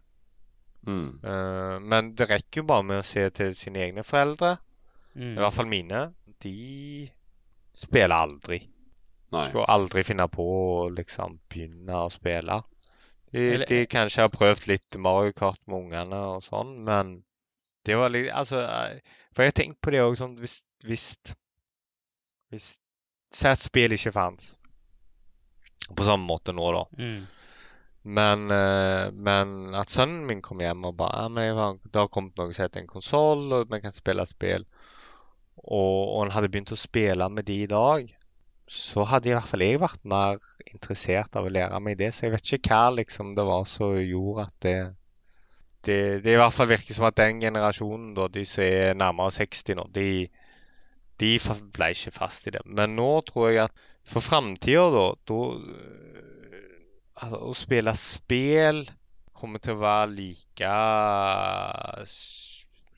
selvklart som at eh, så, Altså som å se på TV er, er for til og med den eldre generasjonen. da. Mm. Ja, men alle har jo en TV. Mm. Men, eh, men det, der er det liksom At, at det, det kommer til å finne Sånn som Jeg er ganske sikker på at det kommer til å finne, finnes flere typer av spill og flere måter å spille spill på i framover. Det som også, som du er inne på her med vår generasjon og sånn, det er jo at det har jo vært et stigma om å spille, også nå i, i vår alder. Og du snakker med kollegaer og sånn, så blir du jo nesten sett litt på som en liten barnslig kar som ikke har vokst opp. Mm. Men uh, for min del, som, når jeg jobber som ingeniør, så bruker jeg jo også spilling til å koble av. Jeg sitter hele dagen og tenker på ting og tang, og så er det godt å bare starte et spill og være litt hjernedød, for da har du all konsentrasjonen din over på noe annet. Jeg skal, jeg skal ikke name-droppe eller noe sånt, da men eh, på jobben så kommer jeg på jobb på mandag. Det er morgen. Vi sitter og prater om eh, et eller annet. Og så sier han ene Ja, du da, Håkon. Har du bare spilt i helga? Jeg bare Hæ? Det var liksom sånn nedlatende, da, på en måte. Så jeg var litt sånn derre uh, The fuck? uh, nei, jeg har ikke bare spilt det hele, jeg, men uh, thanks for asking, liksom. Men eh, jeg, jeg er litt sånn der uh, Kall det i hermetegn bekymra for eh, den derre Det er jo det jeg føler dere gjør veldig bra, da, eh, med, med deres spill. At det er den toplayer-opplevelsen. De, de spillene som har en story i seg, som har en story å fortelle. Si bare sånn Ok, da leste vi oss da, nå er jo det veldig vinden om dagen. Eh, eh, du har jo egentlig alle kompisene mine sånn Skal vi spille? Ja. eh, Hva skal vi spille? Eh, Apex. CS. Eh, de er kompetitive spillerne. At, at det bare er de hele tida. Så, så er jeg sånn kan, kan vi ikke bare starte alle sammen samtidig på et storiespill, og så bare prater vi mye om det? Om det. at, eh, Ja. ja, sånn som Final Fantasy 7 Remake, når det kom, herregud, jeg har aldri pratet så mye om et spill før i mitt liv. Det var jo sånn Adrian holdt på å daue. Han hater det spillet pga. at jeg prater så mye om det. Men, men at man du kan snakke om spillet, eh, spille spillet sammen, og at det er en story på det Jeg, regner med det var sånn både jeg og Aymar gjorde på ungdomsskolen når vi fikk uh, Ocarina of Time. For det, alle fikk det Mm. til jul. Og da var det jo litt som Ja. du sa nå, Håkon. Også at, eh, Sarina of Time.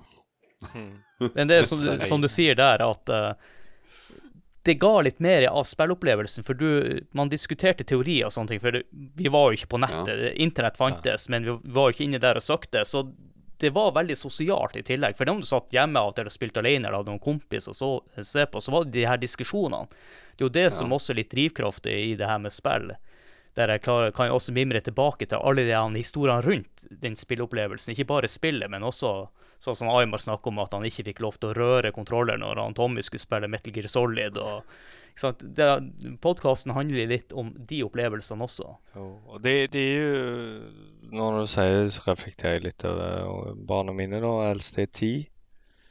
Uh, og han, han har jo ikke eh, lært seg helt sånn han, han, går ikke på Han begynner å lære seg nå at ja, men jeg kan gå inn på YouTube og se walkthrough, eller jeg kan finne hjelp. Mm. Men Mm. fram til nå har det hele veien sånn Nei, jeg må hjem til Francis eller til Eskil eller til noen av kompisene og, og hjelpe han, for han spiller samme spillet som meg nå. Og de, de går og snakker om det hele dagen i skolen. Og så bare Jeg må hjelpe han med den bossen, for han kom ikke forbi. Så på, på lørdag så må jeg hjemme må jeg hjem til han. For da skal vi ta den sammen. Og, og en kjenner jo at det En lengter jo tilbake til den tida der det var liksom litt det. For nå er det litt mer sånn Ja, nei, men jeg så en YouTube-tutorial, og så har jeg løst det, liksom. Eneste er i hvert fall Nå jobber jo jeg på et spillstudio så alle spiller. Men det, du får en del av det når folk eh, Når det kommer ut et nytt spill. Uh, Mm. Og alle i studio holder på å spille det. Da blir det mye snakk rundt lunsjen og sånn. Ah, men 'Har du sett det? Har du sett den? Har du sett det?' Det er jo litt den opplevelsen jeg er ute etter når jeg sitter og streamer. Jeg spilte jo Ori and Will of the Wisps og, streama det. Jeg hadde jo aldri spilt det før. Men der er litt sånn at jeg vil ikke gjøre noe research sjøl, så jeg fikk de i chatten til å komme med hint og tips og sånne ting. Og samme gjorde med Resident Evil Remake. Og det var en utrolig morsom måte å oppleve spill på. For terskelen i dag med å sjekke YouTube, den er ganske lav. Og Ja, den er veldig lav. Veldig lav. Og da ødelegger du egentlig litt av spilleopplevelsen, for da vet du med en gang hvordan du skal løse en puzzle. Mm. I I stedet for å slite litt og lyst til å rive av det håret. slite så, litt, gå og snakke med noen andre, få, få feedback, spør, bygge de her teoriene og alt sånt. Det, de var Ring en Nintendo, stor hjelp telefonen. del av Det var en stor del av Apropos det med, med å ringe Nintendo. En ganske sånn Jeg satt og Jeg liker å lese i noen av de gamle gamingblader og sånn. Ja. Og viser deg frem et Nintendo-magasinet. Men, men jeg liker å lese en del, og da har jeg, jeg noe, har jeg noen fra UK. N64-magasin, eller hva det heter. Som jeg, jeg har fra den tida, da. Og det er en hel del nordmenn som eh, skriver inn og sånn. Men én ting de gjør der, som, som virker helt sånn sykt i dag Ja, men det, det er den norske versjonen, eller? Ja, ja, ja. Ja, for det fins i UK, det finnes Ja. UK-versjonen. Men, men en syke ting der I, i UK-versjonen Da er det sånn Hei, jeg sitter fast på Jeg vet ikke hva jeg skal gjøre i denne dungeon i Zelda Green of Time. Eh, kan noen ringe meg og hjelpe meg igjennom dette her? Eh, jeg er hjemme fra fire til syv. Så ring på hjemtelefonen og spør etter Jonathan, liksom. ja. Og så bare, bare sånn, og så her er telefonnummeret mitt. Å, gi ut telefonnummer sånn offentlig, til og med sånn, er jo bare Det er jo bannlyst, holdt jeg på å si, nå til dags. Det er jo ikke Ja, I dag skulle du bare Er du helt jævla galen? Hva har du gjort? Har du liksom bare lagt ut telefonnummeret ditt og bedt eh, strangers bare ringe deg? Nå nå kommer jeg på en liten morsom ting her. eh, Vi har jo en Discord-kanal. Kanskje vi skulle hatt en kanal der, eh, som eh, heter Tips eh, Hint og tips. Som man kan spille på gammelmåten uten å sjekke. Spill, spillhjelp. Ja. Spillhjelp, ja. Ja, det, det kan, får dere jo sjekke communityet deres om det Men jeg, Ja. tror, jeg tror det er en sånn greie, sånn ting som liksom sånn Men istedenfor å gå på YouTube, skriv inn der. eh, Del skjermen din eh, hvis du kan, og så kan folk Mm. hjelpe deg det. Altså Få litt, eh, Ja. litt hjelp den veien. For at det, det, det er så mange barndomsminner en har, i hvert fall sjøl, gjennom det. Og jeg syns det er utrolig kjekt å se hvordan sønnen min, min fortsatt har det. Men det er interessant å se hvor lenge han kommer til å gjøre det. Ja. Og, men mens dattera mi spiller jo veldig Eller begge to spiller veldig mye Roblox. Eh, det er liksom, Jeg har en kraftig gaming-PC her hjemme, og det er mest Roblox det går i. Men, eh, men det som er interessant, det er at dattera mi de spiller, Hun spiller Roblox med venninnene. Men de spiller bare eh, i det her Brookhaven, som er en sandbox. Mm. Som er bare en åpen verden der du kan gå, bare gå rundt og interagere med litt ting og sånne ting. Men det, det er liksom ikke Det fins ikke noe spill som jeg har forstått det, da, fins ikke noe spill i det. Men de spiller de, de, de, finner på sitt eget Ja. spill. Ja. Så de leker akkurat sånn som de sitter og leker. Og de gjør det jo online, da, etter Mm. skolen og sånn. De ringer hverandre hele veien. Jeg blir helt galen. For det ringer på telefonen min òg når de ringer. Eh, men eh, For det er på iPaden, og det er på PC-en, og det er faen overalt. Men, Ja. men det er så interessant, for jeg, jeg sitter og ser på og hører litt når hun spiller og sånn. Og det er akkurat sånn som vi lekte med Action Man Mm. og Turtles og sånne ting. De er liksom Å, så går du inn her, og så pang bom, og så Å, så springer vi over der, og så Å, nå er du den, og så er jeg den, og så Så det, det På en måte så ser du hvordan leken og fantasien har flytta inn i den digitale verden og i det her spillet, da. Istedenfor at det er spillet som bare mater deg, Mm. så tilfører de sin egen kreativitet og fantasi. Mm. Eh, og det er på en måte en ny måte jeg har sett som jeg liksom ikke har sett tidligere folk spiller på. Jeg har sett liksom Mario Maker og sånne ting, men Ja. det, det er liksom ikke den interaktive opplevelsen som de liksom bygger sammen i det her. Det er liksom ikke bare å springe OK, én, to, tre. To lag, skyt på hverandre, ta et flagg. Altså, det her er egentlig bare Vi er på samme plass, men virtuelt, og finner på en egen kreativ spill i det, liksom. Uh, og jeg tror mer sånt kommer til å komme framover. Når vi er inne på den virtuelle verden, så har vi jo fått inn noen spørsmål. Skal vi gå gjennom dem?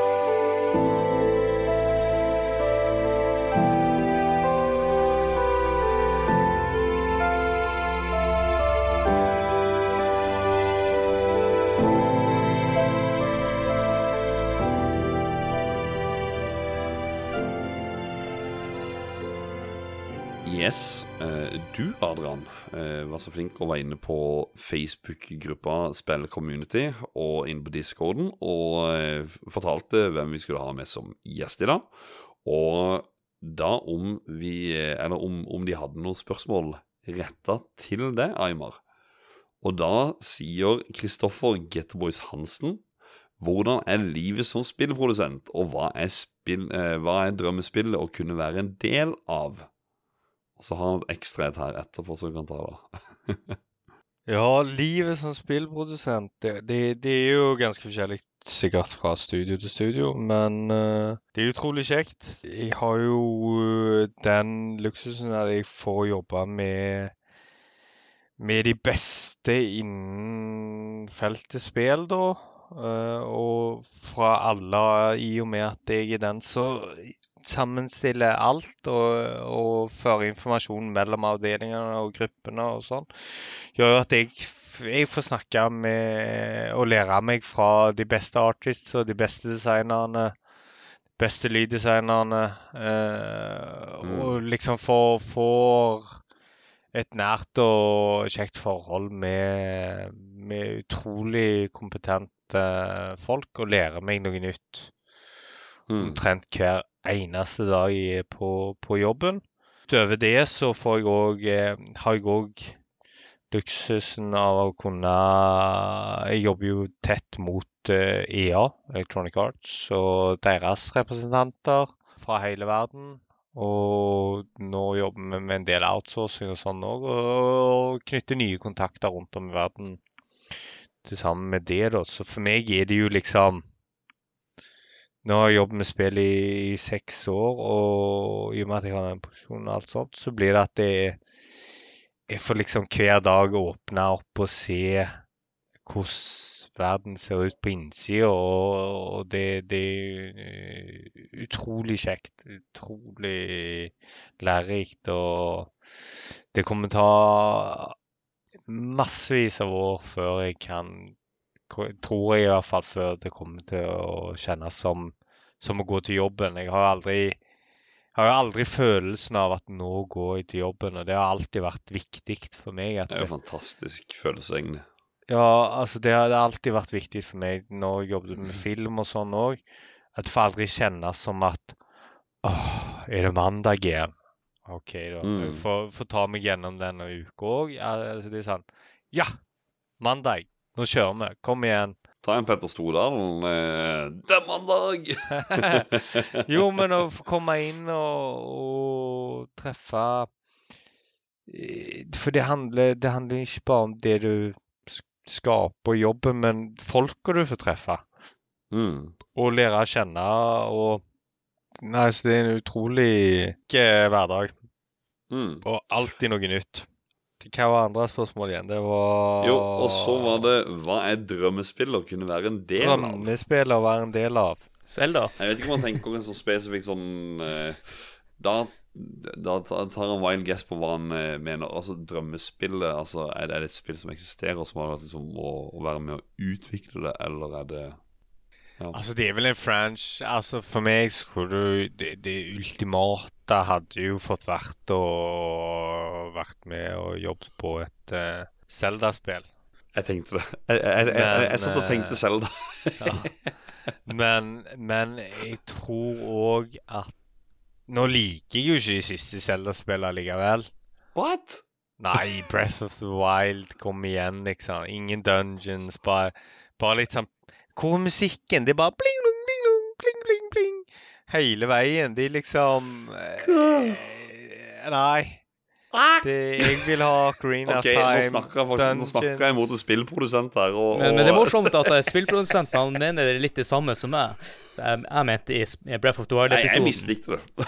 Nei, altså, men det er sånn som sønnen min, han så Han bare Han kom til meg og så Tears of the Kingdom-traileren, eller gameplayen, og, og kom til meg og han bare 'Pappa, det, det er ikke et bra spill. Det der kommer til å bli et fantastisk spill.' Mm. Han bare 'Dere har ikke en sjans mot det spillet'. så det er fint. Nei, men, men sjøl så Han spiller jo Han har jo spilt gjennom Breath of the Wild. Eh, og for meg Ja. tok det jo 20 år å ta meg gjennom Det tok at jeg måtte få han for å hjelpe meg ta meg gjennom Ocarina of Time for første gangen. Men, eh, men allikevel det- Zelda er det eneste spillet der jeg har Ocarina of Time da, der jeg har virkelig blitt dratt inn i spillets verden. Og bare så at Det var jo så stort å komme ut på Hyrule Field og bare forsvinne inn i denne magiske verden der alt, alt kunne skje. Men eh, så, så tenker nok Adrian her Eller så tenker jeg her at uh, Ja, men Breath of the Wild, det er jo en hel verden. Bra, bra, bra. Det er for store verden. Nei. Altfor stort. Jo. Jeg har faen ikke tid å holde på å springe i timevis. Klatre på fjell. Ja. Æsj, Nei. Jo. Ingen har tid med det i dag. Ingen. Så ah, Nei, men så er egentlig Tilbake til spørsmålet. Hadde Drømmespillet i ut et Zelda, men jeg tror tror en produksjon, og spesielt en produksjon i Japan, er nok ikke drømme... Liksom Du må nok på språkkurs. Ja liksom Nei, det er så mye hierarki og sånt. Med, med Hazelight som studio er et veldig flat studio. At du, du kan ha kommet inn gjennom døra i går og begynt hos oss. Og har du en idé, så vil, jeg- vil vi høre den.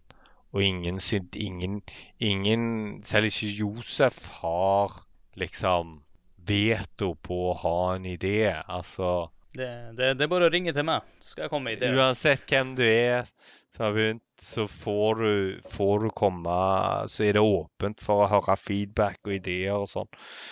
i hvert fall basert på det jeg hører fra, fra spillstudier sånn i Japan, så er det stikk motsatt. Så jeg tror, jeg tror, det er sånn Det er nok en drøm som best gjør seg som en drøm. Men uh, det er klart. Uh, hadde vært litt interessert av Machine Games da, så gjør nye Indiana Jones-spillet, for det høres så jævlig kjekt ut. Men, ja. Uh, ja. Nei, men Selda må jeg si det. Håkon, nå kommer det mest interessante spørsmålet. Ja, hva hadde vært rollene til Adrian og Håkon i spillselskapet? Eller i, i, et spillselskap? Jeg kan bare si med en gang, det hadde vært den kreative biten. Det hadde vært med. Altså sånn, eh, jeg vet ikke hva, hva, hva, er man for noe når man er bare Altså, du, du bare tenker frem noe. Sånn uh, idé Altså, jeg er jo sånn, og, og det, det jeg har sagt til Adrian, at når jeg har en idé, så må den gjøres med en gang. Den må skrives ned med en gang. Eller altså, det må bare skje. Bang, bang, bang, bang, bang. Jeg, jeg, jeg er veldig sånn Jeg må bare få det gjort med en gang.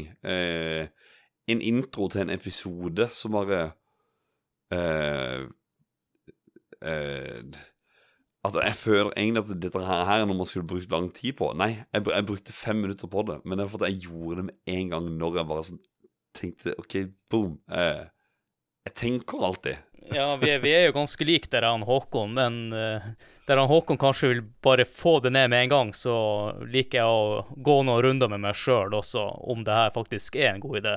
Der han Håkon er litt raskere med å gå fra idé til handling. Så det, den biten også, det nevnte jo i den der uh, episoden med Deephead Studios, var jo litt Jeg hadde jo lyst til å jobbe med spill, men jeg hadde ikke programmeringsferdighetene. Jeg kan jo heller ikke tegne, så, men uh, jeg anser meg som en kreativ person. Og da er det litt mm. vanskelig Hvordan i verden skulle jeg passe inn der? Jeg kan komme med ideer og sånne ting, men i hvert fall på den tida så måtte du jo ha de her som vi snakka om i stad, programmeringsbakgrunn Det, det er jo mye, altså Sånn som det ser ut i dag, er jo at det, det har, Sånt har jo blitt mye mer tilgjengelig og sånn. Du har Real Engine, det er fritt, alle kan uh, laste det ned, teste. Det finnes millioner av tutorials.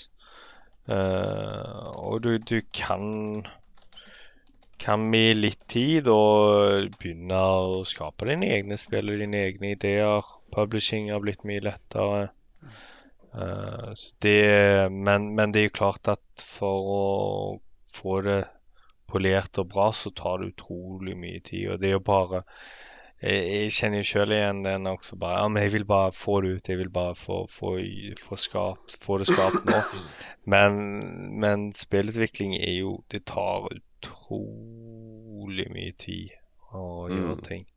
Nå har vi bygd et framework som gjør at det går veldig fort for oss, men men allikevel, det, det, er ikke Å få ferdigbrukt er ikke så enkelt. Men vi jobber veldig mye med kjappe iterasjonsprosesser og ideer. Og det, det jeg tror mange ikke prøver Altså, Norge har jo litt problemer med at det de ikke finnes egentlig noen skikkelige skoler for det. Jeg, jeg vet i hvert fall at det jobbes med det sånn jeg vet ikke hvor offisielt det er. Faren min er faktisk litt involvert i det der. Og... Uh, Future Games har vel vært inne, og TGA fra Sverige er jo inne på å åpne opp. Men de åpner jo opp litt overalt nå. Uh, men uh, Men det er faktisk en del av de som går hos oss, har, har egentlig bare lært seg på egen hånd. Og og søkt, og så får kommet inn.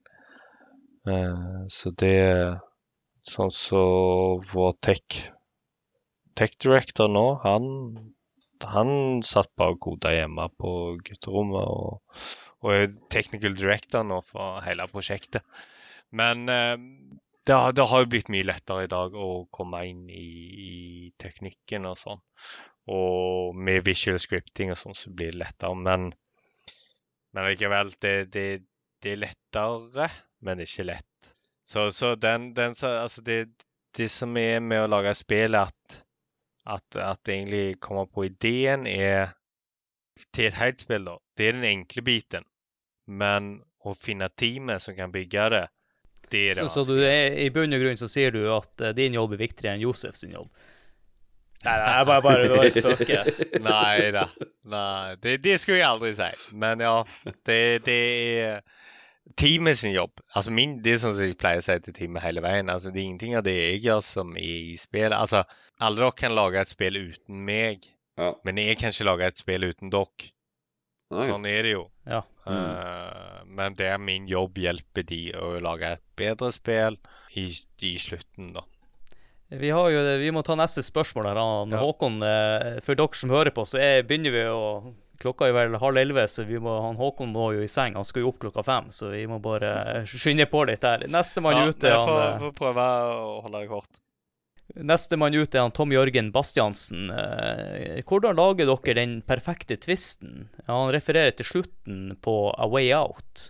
Og så la han til en edit med at han skrev 'It Takes Two', uh, uh, men han mente selvfølgelig 'A Way Out'. Jeg tror du ikke Hæ? skal få lov til å Du må i hvert fall ikke spoile noe si- hvis vi har tenkt å spille det. Men, uh, men den Altså, det, det, det er jo et spørsmål for Josef. Det er ingenting jeg, jeg kan, eh, kan si hvordan han har kommet på det og fått den ideen.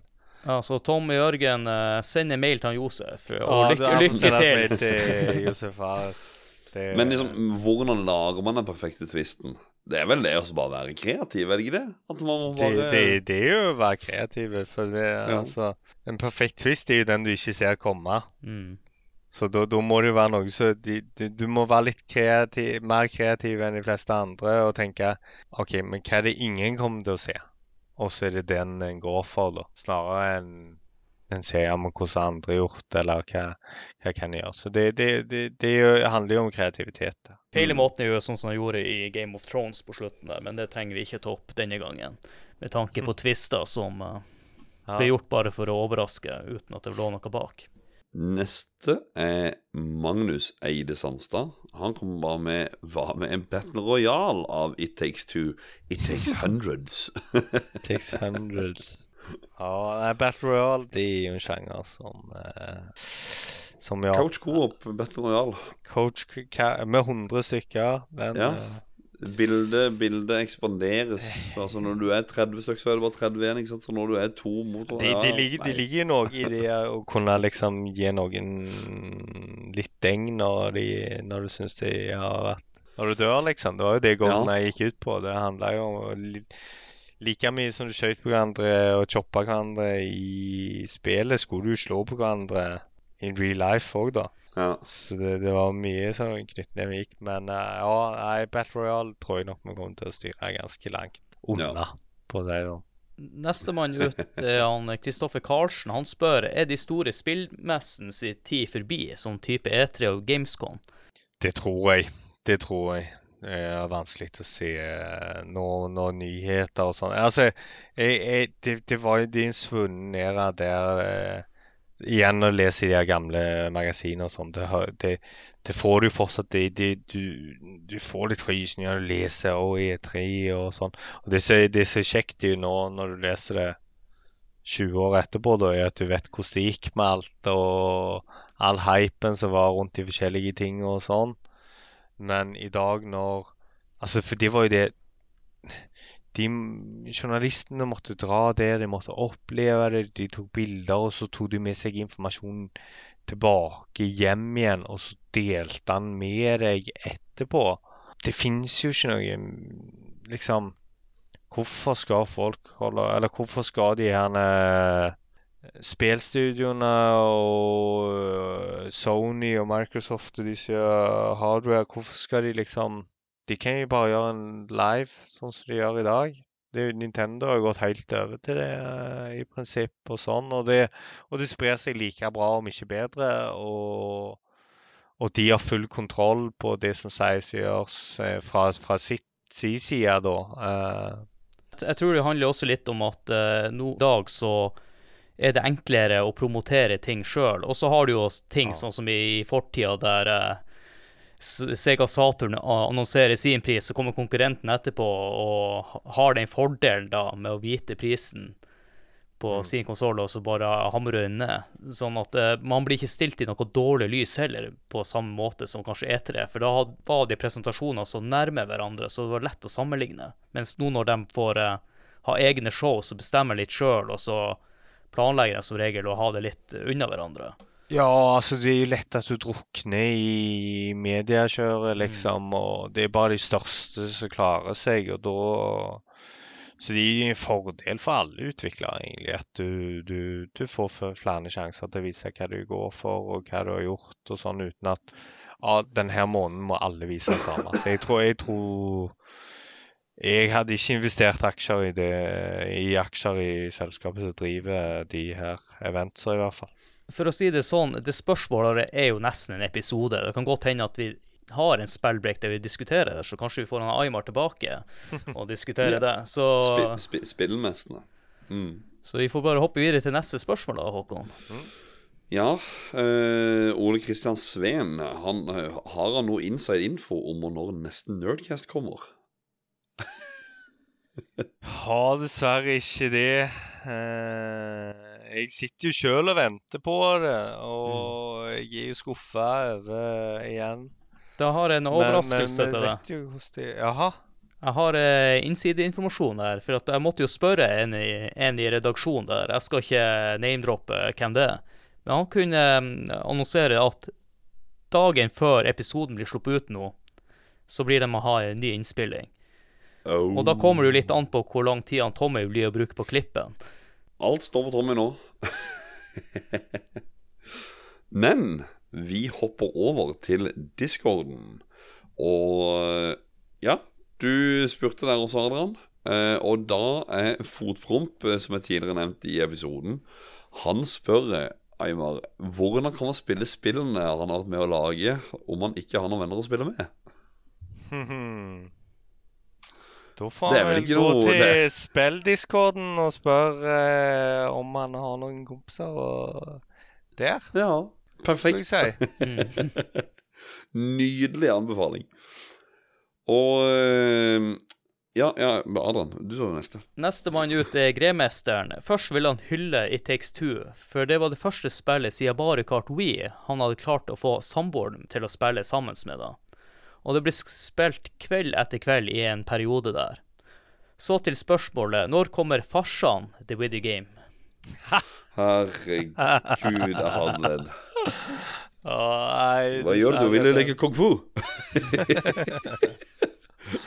Nei, den, eh, dessverre tror jeg nok den eh, Det kommer nok til å ha en stund. Ja, Men nå Josef har jo blitt eh, pappa sjøl, så nå er det vel han som får ta over stafettpinnen. jeg ser for meg veldig mange scenarioer. eh, Den, eh, den filmscenen hvor han skal Å, jeg husker ikke hva skuespilleren heter. Han er jo Benny the Cop i eh, Cops. Torkel. Eh, ja, han, han skalla her da i den Ja, filmen. ja, ja. At når han skal lære han å bli litt mann At, at du egentlig har sånne der, eh, 16-bit minigame events. Uh, becoming more of a man, eller becoming a, masculine man. Spenne A-knappen og Kan se for meg noen av scenene der. Da har vi Bonomann. Han skriver hva er hans favorittspill, og hva var det første spillet han spilte. Vi har vel kanskje vært inne på det allerede. Det har Ja. egentlig. Det, det, den har vi vel allerede tatt, så den Men eh, ja. Så, altså, du har allerede Ja. fått eh, svaret, Bonemann. Og så kan vi ta siste mann, mann ut der. Og jeg tror kanskje han er eldste på discorden vår. Han spør bare når kommer Amiga-versjonene av spillene deres? Han får vel eh, sette i gang og skape de. Du kan jo hente noen i Dice, vet du. De er jo fra demoscena på Amiga. Ja, de. ja. Det var vel egentlig der Dice starta, via demoscenen. Så ja. Ja, det var det. Det var det. Det fins jo veldig Det fins jo disse De er jo bare på Det fins jo en dokumentar som går på SVT som heter 'Svenske spelundere'. Og så fins Mm. det jo Fins det en del bøker skrevet av Martin Lindell eh, om Dice og den tida og sånn. Du, Eh, du hva, hva er oddsen? Se her. Ja, Rett foran, rett foran fjeset mitt så ligger det en bok skrevet av Martin Lindell. Åtte bit er på 80-tallet. Nintendos maskin i de svenske hemmen. Av Ja. Martin Nidell. Jo, men han har jo skrevet boka om Sega òg, som Ja. vi har. Og så har han spilt eh, om eh, har han skrevet boka om svensk eh, spillutvikling. Og da er det Da følger han helt fra demo sin og liksom gutterommet og forteller forteller historiene deres og sånn. Mm. Så en Eh, liten anbefaling på slutten av episoden her, at uh, sjekk ut faktisk bøkene hans sine. Det er, det er faktisk veldig mye bra. Jeg har eh, Jeg tror jeg har en til som jeg ikke husker hva het. Ja, Super men- Nintendo-bok òg har de kommet ut med. Den nyeste. Den er ganske Ja. bra. Han har også kommet ut med Sega Genesis-bok. Så den eh, Nei, han anbefaler jo. Han var faktisk eh, Han var en del av marketingteamet på, på starten av It Takes Når, når prosjektet var i grunnen. Så dro Ja, han til Raw Fury, og nå er han på Embracer Group. Så Ja. eh, han har jobbet litt med, med en stund, da. Men han er jo ekstremt aktiv i retrospillmiljøet i, i uh, Sverige. Men det har, det det har utrolig bra. så Utrolig bra bøker. Kanskje en dag så kan jo vi høre med han om han har lyst til å være med på en spillepisode. Mm. jeg har han og en til som eh, i kikkerten der, skjønner du. Så det, det skal vi få til. Og Men ja, da Da er vi vel nærmere slutten, er vi ikke det? Ja, hvis det ikke er noen flere spørsmål, så, eh, så vil jeg passe på å takke for en utrolig kjekk samtale. Og nå har to timer blåst av gårde her for min del, og det har vært eh, Selv om det var mye mas og jag på, på jobben og alt rundt om, så har det vært utrolig kjekt å fordele den tida med, med dere. Og mimre tilbake igjen til skolegården og, de første spillene og reisen gjennom barndommen og til der en er i dag. Og Mm. Det, har- det har vært utrolig kjekt. Utrolig kjekt, og jeg vil òg takke for utrolig kjekke episoder dere har gjort eh, tidligere. Jeg ser fram mot eh, mange, mange flere fra, fra dere i spill. Tusen takk for det. ja, tusen takk. Veldig koselig. Veldig hyggelig å høre. Det gir ekstra inspirasjon til å fortsette Ja. med det her. En, en, en skikkelig boost. Og så da er vi kommet til plugginga, Håkon, eh, som eh, du begynner å få teke på. Som jeg begynner å få teke på, ja. Som alltid, vil du ha noe sweet merch med spilleordene på, kaffekopp, T-skjorte, putetrekk, eh, teppe jeg, jeg, jeg vet ikke hva vi har, kokkefork i hvert fall. Så kan dere sjekke ut merch-butikken vår. Dere kan også hive dere inn på Spill Community på Facebook, eller Spill Sida på Facebook, eller Discord-communityet. Link til alt dette her finner dere i episodebeskrivelsen. Eh, hvis dere har lyst til å gi oss en liten rating på Spotify eller eh, Apple iTunes, så eh, er vi veldig, veldig glad for det. Og så må dere sjekke ut våre samarbeidspartnere i Lolbua Inc. Eh, det er da Lolbua, Ragequit, eh, Likos univers med gjedda og vi i spill. Og så må vi som alltid rekke ut en stor takk til Joakim, fordi at han eh, skriver en artikkel inne på spillhistorie.no om alle episodene vi lager. Og til slutt, hvis dere ønsker også backe oss litt sånn økonomisk, så kan dere gjøre det via patrion.com slash lollebua, og da er det jo diverse ting en får tilbake igjen der, da. Sånn som under tieren nachspiel, da kommer podkasten vår, eller bonuspodkasten eh, nachspiel, eh, som vi snakker om litt mer dagsaktuelle. At vi liksom, hva skjer nå for tida, hva spiller vi om dagen, og så har vi kanskje et gøy tema. Og kanskje ikke like stolt av den. Nei, eh, litt sånn der eh, det, det, det, det er litt mer en løs prat der, egentlig. og så har vi jo eh, festdeltaker, som er Da får du med Roffelbua i tillegg. Og det er jo hele Lolebua Inc. som finner på et eller annet makkverk av noe gøye ablegøyer og, og ting og tang. Adrian har sunget på svensk der.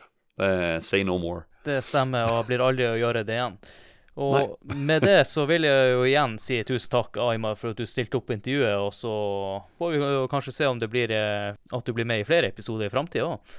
Ja, Det må nei, det, det er bare å høre, høre fra dere. Slå en signal, og så får en se om en har, har tid og mulighet. For det var utrolig kjekt å bare få, få snakke litt, litt spill og mimre tilbake igjen til, til barndommen. Mm. Og som vanlig som jeg sier også tusen takk til deg, Håkon. Jo, tusen takk til deg, Adrian. Ja, Og takk, husk, 27. mai Uh, Dette her maker ikke sens eh, i, i fremtidig, men 27. mai, Tiltcast. Sjekk det ut på Facebook. 27. mai der, altså. Tiltcast 3.0. Jepp. Der er vi en av deltakerne som vi skal ha liveshow, og det blir også første gangen i spills historie. Vi er snart fem år, og der jeg og Håkon tar en episode i lag i samme rom, for det har vi aldri gjort før. Så Nei. hvis dere har lyst til å bevitne spillhistorie, så ta turen til Oslo og Tilt. Yes. 27. mai. Klokka eh, 16.00. Yes. Og with that bombshell så sier jeg tusen takk for at dere hørte på, og ha det!